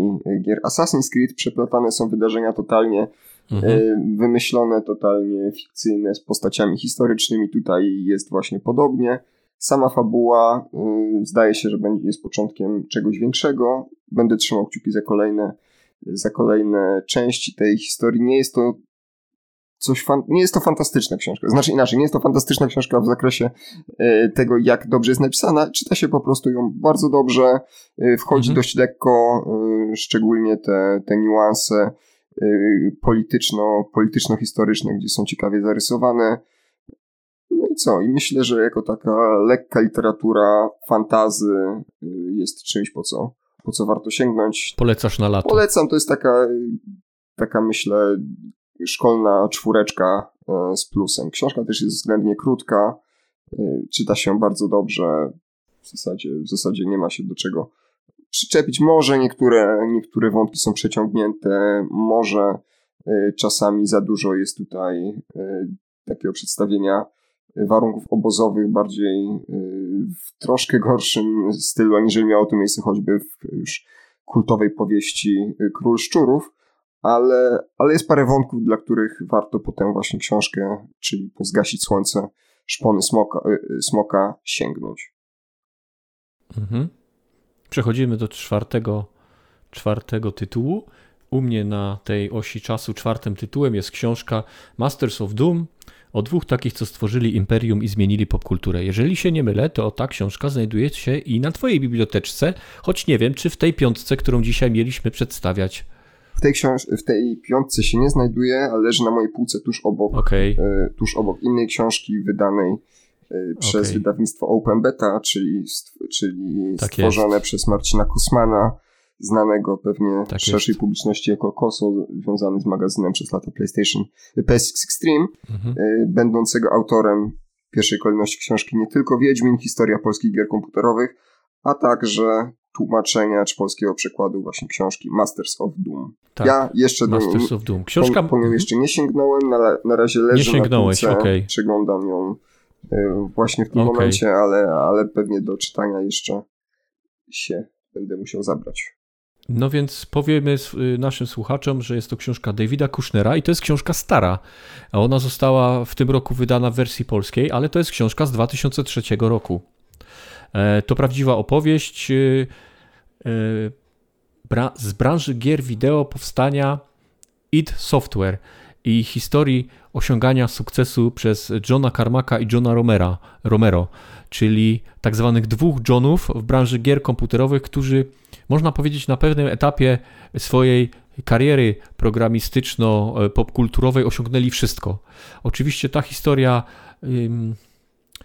jest zawiła, tak jak każda tego typu historia. Ona w pewnym momencie e, rozdziera losy Carmaka i Romero. Romero odchodzi z id Software e, i zaczyna swoją przygodę solową, która generalnie, y, generalnie toczy się chyba do po dziś dzień, bo, bo Romero jest takim człowiekiem, który już mało co robi, mało co pisze, jeżeli chodzi o, o kod komputerowy, a gdzieś występuje i tylko swoim nazwiskiem e, na afiszu świeci i, i, i gdzieś sprzedaje bilety tylko swoim nazwiskiem.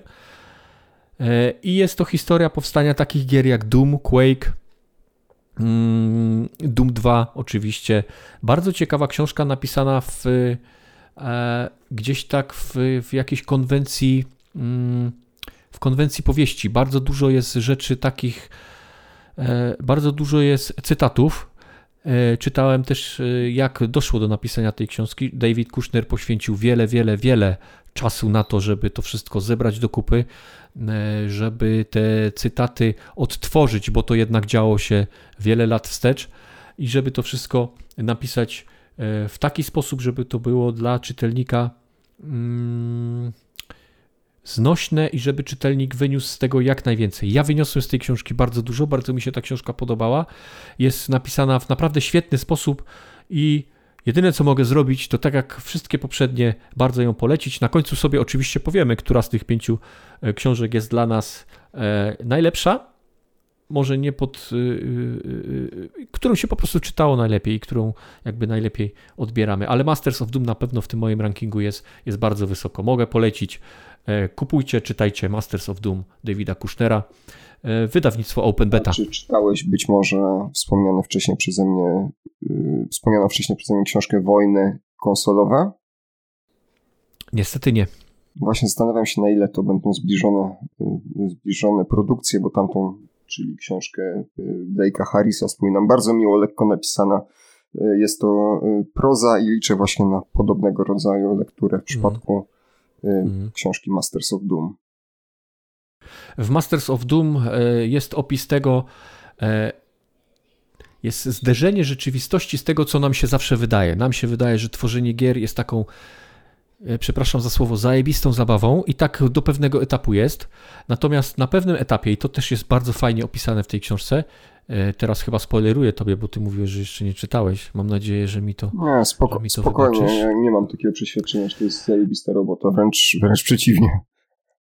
Ale tak wielu ludzi myśli, wiesz, no tworzysz Ale chyba, gry, robisz chyba, wiesz, co, to się fajnego, zmienia, grasz w gry całe To się dnie. zmienia z wiekiem, jeżeli jesteś nastolatkiem i grasz. Siedzisz przed kąpem, wiesz, to, to tak, tak, tak wygląda.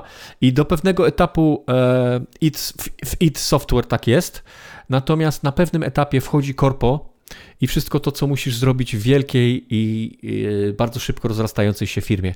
Więc jest to zderzenie tego, co nam się wydaje, co jest w takich firmach, typu CD Projekt na przykład teraz jest takim na świeczniku, tak.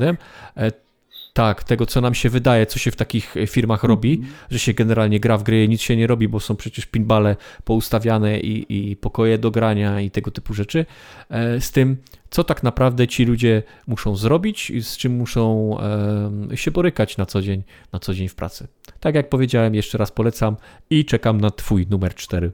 Moim numerem 4 będzie kolejne zderzenie kultury europejskiej z, z kulturą japońską, ale w tym przypadku pióra właśnie twórcy z kraju kwitnącej wiśni. Mam na myśli tutaj książkę Milczenie autorstwa y, Shusaku Endo. Jest to mm, powieść historyczna rozgrywająca się w bodaj no nie bodaj, tylko rozgrywająca się w XVII wieku, XVII albo XVI, XVII, tak, zacząłem, zacząłem liczyć, to musi być XVII wiek, jest to historia portugalskich misjonarzy, którzy docierają właśnie do wybrzeży Japonii, gdzie poszukują swojego mentora, swojego e, przyjaciela z zakonu, o którym ślad zaginął i słuch wszelki zaginął. Okazuje się, że zderzenie z mm, kulturą japońską i prześladowaniami chrześcijan, które mają tam miejsce, e, tak naprawdę konfrontuje ich z zupełnie inną rzeczywistością. Autor no, stara się, przynajmniej takie, takie odnoszę wrażenie, być w miarę obiektywny, bo, bo nie jest niczym trudnym tutaj popadanie w skrajność, czy przedstawianie chrześcijan jako tych dobrych, względnie jako, że autorem jest y, osoba pochodzenia japońskiego, chrześcijan jako tych najeźdźców i, i osób, y, które chcą narzucić y, tubylcom jedyną prawdziwą religię. Jest, jest, jest to właśnie zgrabnie, zgrabnie przedstawione i książka jest bardzo podatna, może nie tyle podatna, ale bardzo otwarta na interpretację. To znaczy, autor przedstawia się, stara się przedstawiać wydarzenia w poły historyczne, w dużej mierze historyczne. I tak naprawdę to czytelnik na koniec podejmuje decyzję o tym, jak z jego perspektywy powinna, powinna być interpretowana ta opowieść, kto ma rację, kto jej nie ma, kto przekracza pewne granice, gdzie w zasadzie znajduje się granica pomiędzy tym, co wolno, a czego nie wolno, jak wiele można zrobić dla, dla wiary czy ideałów, bo myślę, że to jest na tyle e, też uniwersalne e, dzieło, że można je przenieść nie tylko na, na i interpretować w kontekście wiary, nie, zresztą każdej poza, poza katolicką także, e, ale też różnego rodzaju tego, o czym rozmawialiśmy, czyli ugruntowanych poglądów, które podlegają mm, wykładni z jednej strony, a z drugiej interpretacji, czyli tego, co mówiąc, mówiąc krótko jest dobre, co jest złe, jak należy postępować, czy racja zawsze jest e, po mojej stronie, czy być może osoba, która mm. patrzy na to samo z innej perspektywy, ona ma rację,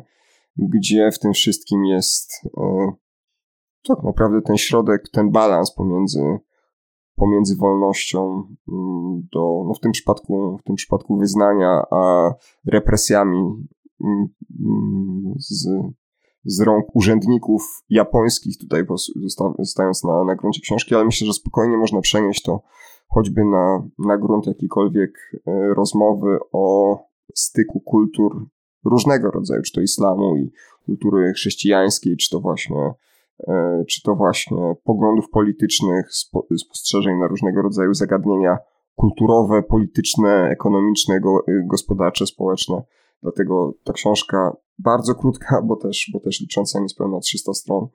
E, pewne, w pewnych miejscach bywa przytłaczająca ze względu na okrucieństwo, które jest w niej przedstawione e, i bardzo detaliczne opisy, a z drugiej wydaje mi się, że jest takim dobry, dobrą opcją na to, żeby przeczytać jeden, dwa rozdziały, na chwilę książkę odłożyć, zastanowić się, e, skupić też na, na głównych postaciach, na tym, co, co nimi kieruje i gdzieś poszukać odpowiedzi na, na te z jednej strony fundamentalne, a z drugiej właśnie proste pytania, które, które w literaturze mm, tej właśnie zostają, zostają zadane. Zresztą na podstawie tej książki y, przygotowano film o tym samym tytule Milczenie w rolach głównych między innymi Adam Driver, znany z Gwiezdnych Wojen, a także Liam Neeson, to znaczy odpo- Kylo tak, Ren. Tak, odpowiednio, Ren, odpowiednio, odpowiednio Kylo Ren oraz Qui-Gon Jinn z Mrocznego Widma,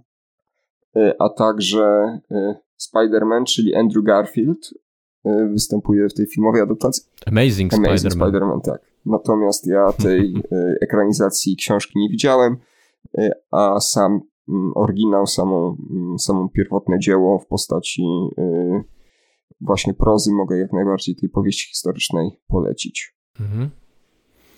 Chciałem Ci tylko powiedzieć, że mm, czas naszego podcastu już jest o pół godziny za długi, jeżeli w ogóle to może być zarzut, ale nigdzie nie, jakby nasza audycja nie jest y, puszczana w radio, więc możemy sobie na to pozwolić, żeby sobie troszkę dłużej. To w takim razie szybko pozycji numer 5 po twojej mojej stronie. Tak, powiemy o pozycji numer 5.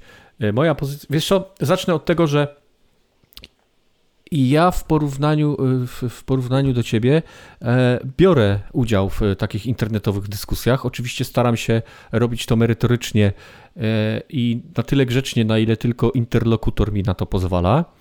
E, ale nie lubię wypowiadać się o rzeczach, o których e, nie mam nawet podstawowej wiedzy. I na pewnym etapie e, wiem, że to dziwactwo. że generalnie my wypowiadamy się jako, jako społeczeństwo o wszystkim, nawet o tym, o czym nie mamy najmniejszego, najmniejszego pojęcia. Natomiast na pewnym etapie bardzo popularne w, w internecie, w dyskusjach i w mediach stała się stał się temat klimatu, czyli zmian, jakie, jakie nadchodzą w klimacie. Powiem Ci, że moja wiedza na ten temat była zerowa i postanowiłem coś z tym zrobić. A że jednocześnie wpadł mi w oczy tytuł nowej książki Billa Gatesa Jak ocalić świat od katastrofy klimatycznej, rozwiązania, które już znamy i zmiany, których potrzebujemy, to postanowiłem sobie tą książkę kupić i swoją wiedzę na ten temat uzupełnić. Bez względu na to, co o Billu Gatesie E, się mówi i co ostatnio się w jego życiu dzieje, e, w prywatnym jego życiu się dzieje. E, wciąż uważam, że to jest znacząca postać, jeżeli chodzi o, o technologię i o otaczający nasz, nasz świat, i wciąż uważam, że jest to człowiek niezwykle inteligentny, a więc chciałem się dowiedzieć, co na ten temat ma do powiedzenia. I jak on sam pisze o tej książce, jest to książka owoc 10, 10 lat badań nad przyczynami i skutkami zmian klimatycznych. E, Gates w poszukiwaniu sposobów na powstrzymanie katastrofy ekologicznej zaangażował ekspertów w różnych dziedzinach fizyki, chemii, biologii, inżynierii, politologii i finansów i wnioski z tych badań oraz, e, e, oraz same te badania przedstawia właśnie w tej książce. Z tej książki dowiedziałem się właśnie podstaw E, na temat katastrofy klimatycznej, dlaczego musimy e, zmienić swoje postrzeganie, e, w zasadzie zmienić całe swoje dotychczasowe życie, dlaczego musimy odejść od węgla, dlaczego musimy to wszystko robić i co się stanie, jeżeli tego nie zrobimy. I bardzo polecam. Ta książka dała mi naprawdę dużo wiedzy. Nie mogę się oczywiście teraz w internecie uważać za eksperta, ale mogę jakąś podstawową wiedzą z tego zakresu się E, się dzielić i, i wypowiadać się w tym, w tym temacie. Bo oczywiście książka mówi o faktach, a nie o, o, o tym, co byśmy chcieli i, i, i o jakimś takim e, myśleniu życzeniowym, z czym często spotykamy się, jeżeli chodzi o e, internetowe komentarze. Więc raz jeszcze Bill Gates, jak ocalić świat. Bardzo ciekawy tytuł, jeżeli chodzi o takie podstawowe zagadnienia w kwestii katastrofy, tak zwanej katastrofy klimatycznej. To jest ciekawe zagadnienie, bo ja mam takie przeświadczenie graniczące z pewnością, że generalnie jako społeczeństwo cierpimy na chroniczny brak autorytetów. Gdyby ktoś cię zapytał teraz, albo przypadkową osobę mm, na ulicy, kto jest twoim autorytetem, to no pewnie sporo osób miałoby problem, bo ja nie, rozróżniłbym jednak kwestię bycia idolem, choćby wspomniany wcześniej Robert Lewandowski, od bycia autorytetem. I gdyby... Jasne. Idolem może być, mógł być Jean-Claude Van Damme tak. tak. w latach 90. dla nas, a autorytet to jest jednak coś innego. I jednak, niezależnie od tych ostatnich wydarzeń, gdybym ja miał udział pewnego rodzaju autorytetach właśnie, to myślę, że blisko tej kategorii byłby Bill Gates. Nie powiedziałbym na pewno tego samego o Elonie Masku. Oczywiście są to osoby znane, które znamy tylko z jakiegoś mhm. przekazu mm. medialnego i też po części kreowanego w taki, a nie inny sposób. Ale, ale mam takie nieodparte Mimo wszystkich tych bzdur, tak, nie, które się o nim mówi, bo, bo, bo, opowiada się takie głupoty, po prostu e, nawet napisałem na Gigwebie obszerny, obszerny artykuł na ten temat, e, co o Billu Gatesie się wygaduje i dlaczego to są głupoty. Opisałem tam wszystkie fakty, jak te fakty są e, przez tych komentatorów internetowych przeinaczane, e, żeby z tego Billa Gatesa zrobić jakiegoś szwarc charaktera po prostu XXI wieku. W większości są to po prostu totalne głupoty. I ja również uważam, to jest jeden z, jedna z czołowych postaci ostatniego czterdziestolecia chyba w, dziedzinie technologii, nauki i rozwoju. I Bill Gates, pomimo tego, że w, no, większość ludzi kojarzy go tylko Bill Gates równa się Windows, tak? Czy Bill Gates równa się Microsoft, to Bill Gates ma spore osiągnięcia e, w dziedzinie nauki. Tu w tej książce też e, mówi o tym, w jakie firmy e, czy przedsięwzięcia naukowe inwestował, ile w to pieniędzy włożył i co z tego, co z tego wyjął, można tak powiedzieć, ale Bill Gates to jest też człowiek, który robi wiele dobrego e, dla świata sensu stricte, czyli e, jeżeli chodzi o wyeliminowanie na przykład niektórych chorób w Afryce, to jest tylko i, wy, i, może nie wyłącznie, ale to jest przede wszystkim jego, jego zasługa. Bill Gates jest między innymi zaangażowany w taki projekt yy, dotyczący tak zwanego, tutaj też robię cudzysłów, yy, roślinnego mięsa, Beyond Meat, które ma Dokładnie, o tym też mówi. wpływać mhm. na też kwestie związane z klimatem, z niedostatkami yy, mięsa. Ja przyznam szczerze, ja jestem mięsożercą, ale miałem okazję spróbować właśnie, właśnie kotletów Beyond Meat i naprawdę w smaku są świetne. Gdybym nie wiedział, że to, jest, że to nie jest mm. mięso, to pewnie byłbym w stanie uwierzyć, że mamy do czynienia e, z wołowiną. Oczywiście możemy tutaj zacząć Jasne. zaraz dyskusję na temat tego, że to nie powinno być określane mianem burgerów czy, czy wegetariańskich. Jasne, to to znowu semantyka. semantyka. Tak, ja na początku też gdzieś tam się podśmiechiwałem, ale tak jakby przemyślałem temat. Ja to też. jest kwestia po prostu opisania w jakiś sposób tego, co zostaje sprzedawane. Jeżeli dostaję y, roślinne parówki, to wiem, że to nie jest mięso. Znaczy w oderwaniu od tego, że w parówkach pewnie mięso też jest jak na lekarstwo e, ale chodzi o sposób przygotowania, podania i tak, sprzedawania poszczególnych, poszczególnych produktów, żeby jakoś to, jakoś to przedstawić. No moja żona na przykład kupiła, która y, je stosunkowo mało mięsa, głównie czy, czy wyłącznie drób.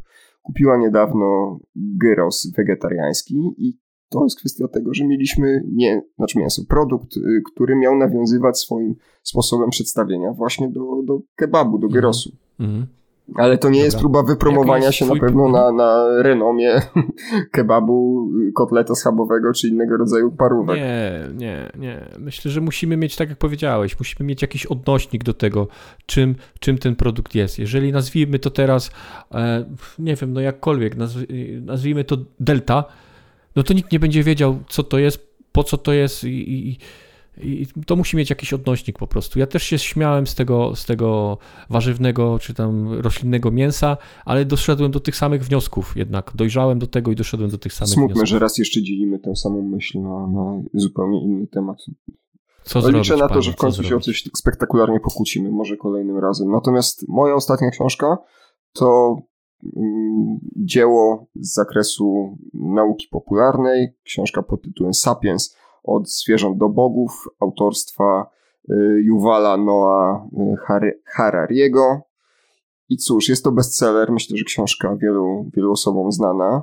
Y, to jest takie holistyczne przedstawienie historii człowieka od tego czasu, kiedy ukrywaliśmy się w jaskiniach, czy nawet kiedy zdecydowaliśmy, kiedy zaczęliśmy, jeszcze przed tym okresem, kiedy człowiek w ogóle w znanej na formie pojawił się na, na planecie, gdzieś rozwój tutaj też ewolucyjnie jest przedstawiony aż po próby podboju przestrzeni kosmicznej, złożoną inżynierię genetyczną, e, czy to, co mnie szczególnie ujęło, e, próbę wytłumaczenia mm, różnego rodzaju zjawisk, które e, są wokół nas bardzo prostymi słowami, bo nie jest to książka, która na siłę stara się być złożona, a raczej w taki przystępny sposób przedstawia i tłumaczy otaczający nas e, świat w kontekście właśnie rozwoju ewolucyjnego. Takim doskonałym, myślę tutaj, mm, przykładem jest e, to, co oddziela nas od zwierząt, czyli możliwość abstrakcyjnego myślenia, że to my stworzyliśmy koncept pieniędzy, koncept prawa, bo bogów, mhm. czy korporacji na przykład, czyli czegoś, co fizycznie nie istnieje, ale żebyśmy mogli funkcjonować, to stworzyliśmy właśnie tego rodzaju byty różnego rodzaju, które pozwalają nam łączyć się i, i pracować na wspólny cel, bo to jest właśnie jeden z tych elementów, które najbardziej odróżniają nas od zwierząt, czyli możliwość kooperacji, wspólnego, wspólnej pracy dla, mhm. dla osiągnięcia jakiegoś zdefiniowanego w taki czy inny sposób dobra. Jest tutaj też masa ciekawostek z tej książki, na przykład dowiecie się, że zwierzęta także potrafią oszukiwać, i w jaki sposób to robią, mnie ujęła e, próba porównania prawników e, z, z szamanami sprzed, sprzed wieków, ale są też bardzo bolesne wywody na temat tego, jak to, jak to przedstawiciele tego zawodu potrafią się zajeżdżać godzinami po to, żeby wypić sojowe latte, opłacić kredyt za dom pod, pod miastem, nowy samochód i tak dalej. I w pewnym momencie stwierdzają, że to jest, pracy jest za dużo, ale pracują jeszcze więcej, pamiętają, że, że te mm, kredyty same się nie spłacą. Jest Same tak, się nie tak pół żartem, Mhm. pół żartem, pół serio. y, Natomiast y, faktycznie książka jest bardzo ciekawa. Ja jej zresztą jeszcze nie skończyłem, więc może trochę oszukuję w kontekście naszych dzisiejszych ustaleń, że mają być to książki przeczyta, A chciałem na, po, na koniec zapytać właśnie, co Y, teraz to czytamy, jest, więc już mamy tak, jedną to odpowiedź. jedna, a druga to jest, to ja już odpowiem Mhm. z góry, to jest właśnie ta, ta biografia mm, Leonardo da Vinci, którą, którą zacząłem, natomiast wracając jeszcze na chwilę do Sapiens, jest to takie zestawienie wiedzy z różnych y, gałęzi, bo i trochę tutaj biologii, i Mhm. kulturoznawstwa, i historii, i y, myślę mm, takich nauk y, antropo... Pomóż mi, antropo... y, antropologicznych, tak, tak, tak, tak antropologicznych, Tak, tak, tak. tak. więc y, jest to bezsprzecznie historia ewolucji czy rewolucji naukowej, która ukształtowała nas e, w społeczeństwie, w którym jesteśmy dzisiaj. Mhm. Z całym e, z całym przekonaniem, z pełnym przekonaniem mogę tę właśnie pozycję polecić. Zresztą zdarzyło mi się już ją Mhm. dwukrotnie kupić e, raz ojcu i raz znajomemu na prezent, więc zdecydowanie książka, po którą warto, warto sięgnąć. Warto sięgnąć. Ja słyszałem o Sapiens, swego czasu nawet wyszukiwałem ją sobie, sobie w internecie i na pewno znajduje się, nie kupiłem jeszcze, e, bo może jestem dziwny, ale kupuję książki, które chcę przeczytać, tak odnosząc się do naszego drugiego odcinka, E, ale nie będziemy się już na ten temat pastwić. E, Wyszukiwałem ją w sieci, mam ją na swojej liście do przeczytania, na pewno ją kupię i na pewno przeczytam. Znajduje się w kolejce. No i pytanie takie już teraz w ramach zakończenia tego naszego odcinka. Przedstawiliśmy po pięć swoich ostatnio czytanych tytułów. Ja tylko jeszcze dodam, bo ty już odpowiedziałeś na to pytanie, to co teraz czytamy. Ja teraz czytam e, Elliot Higgins e, e, Bellingcat. To jest historia powstania serwisu internetowego Bellingcat, czyli serwisu e, mm, dziennikarskiego, śledczego, opartego o gdzie dziennikarstwa, śledztwa, śle, śledztwa dziennikarskie, przepraszam, odbywają się na podstawie otwartych źródeł internetowych. I Bellingcat to jest taki serwis, który jako pierwszy podał e, na przykład his, e, fakt, że mm, samolot malezyjskich linii lotniczych został zestrzelony nad Ukrainą e, przez bojowników e, popieranych przez Rosję to jako pierwszy ten, e, ten serwis wyśledził i podał w świat tą, tą informację. I historię tego serwisu właśnie opisuje książka Eliota Higginsa. Eliot Higgins notabene jest szefem tego, tego serwisu i to opisuje książka Bellingcat ją obecnie czytam. No i pytanie na koniec. Przedstawiliśmy po pięć swoich tytułów. Który z tych tytułów uznałbyś e, za tytuł najlepszy, czy który dał ci najwięcej satysfakcji, albo najwięcej z niego e, czerpałeś wiedzy i tak dalej, i tak dalej? Co uznałbyś za taki numer jeden z tych pięciu? No, chyba raz jeszcze będę musiał trochę oszukać nagień zasady, bo gdybym miał wskazać jedną z tych książek, to tę, którą zakończyłem swoją wypowiedź Mhm. i jedyną z tego grona, której nie skończyłem czytać. To znaczy Sapiens y, od zwierząt Sapiens. do bogów. Wydaje mi się, że to jest książka, która, której można najwięcej wyciągnąć. Nawet nie chodzi o to, że, żeby zabłysnąć później gdzieś w towarzystwie, ale taka, która pewne, pewne rzeczy No nie, to to ważne jest. to bezsprzecznie ważne, jest. ale, ale która pewne, pewne rzeczy układa w taki racjonalny, sensowny sposób. Oczywiście dwie biografie, o których wspomniałem, e, twórcy Nike i Robina Williamsa, także książki Mhm. godne, e, godne polecenia. Jeżeli ktoś chciałby sięgnąć po lekką literaturę, to, to e, Zgaśnić Słońce, Szpony Smoka, coś Mhm. poważniejszego, Milczenie. Także każda z tych książek na pewno znajdzie swoje grono odbiorców jestem przekonany Jasne. o tym, że, że po każdą z nich warto sięgnąć właśnie w taki sposób, jaki, e, jaki ja gdzieś tam, może nie wypracowałem, bo to duże słowo, ale staram się właśnie, tak jak wsk- wskazałem wcześniej, miksować tę, e, tę kolejność, czyli raz, raz coś poważniejszego, raz coś lżejszego. I co? I to chyba, chyba tak by wyglądało, więc masa książek przede Mhm. mną, gdzieś ta lista wcale się nie skraca. Zresztą nie tylko książek, filmów, gier. Ale to dobrze, trzeba mieć, trzeba mieć cele i trzeba mieć e, przed sobą jeszcze wiele książek do przeczytania. No dobrze, a w Twoim przypadku będziesz w stanie W jednoznacznie przypadku wskazać. i to będzie tak, tak, mogę wskazać jednoznacznie i jest to sam się sobie dziwię, ale to jest y, Bill Gates i jak ocalić świat.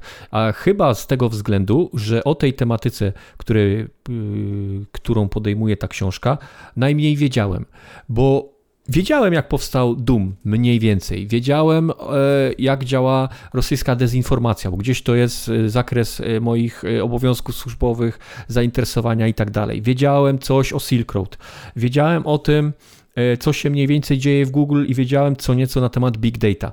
Natomiast mogę się przyznać z ręką, z ręką na sercu, że o e, temacie zmian klimatu wiedziałem najmniej. Wiedziałem, że to ma miejsce, wiedziałem, że coś tam, coś tam jest na rzeczy, aczkolwiek nie wiedziałem e, niczego w szczegółach i ta książka jest napisana w taki sposób, że nawet ktoś taki jak ja e, może z niej wynieść bardzo dużo wiedzy, więc ja w, w, jako numer jeden wybieram książkę Billa Gatesa, Jak ocalić świat. Jeżeli ktoś chce się dowiedzieć, co już powiedziałem na temat, co nieco na temat katastrofy klimatycznej i co każdy z nas może w tej sprawie zrobić, to też bardzo serdecznie polecam, ale każda z pięciu przedstawionych przeze mnie książek jest oczywiście warta uwagi i każda była na swój sposób bardzo ciekawa. Zapisany w takim razie będę na pewno po nią niebawem sięgam. To co, będziemy kończyć. Dzisiaj godzina 50 e, z pożegnaniami dojdzie, ale to nic, nie, nie, nie, nie trzymają nas żadne ramy czasowe, tylko sami sobie je nałożyliśmy i teraz nie dotrzymujemy, więc dziękujemy za dzisiejszy odcinek. Ja dziękuję. Czytajcie książki, bądźcie dla siebie mili w internecie. E, do zobaczenia, do usłyszenia za dwa tygodnie. Cześć. Tym pozytywnym apelem kończymy. Cześć.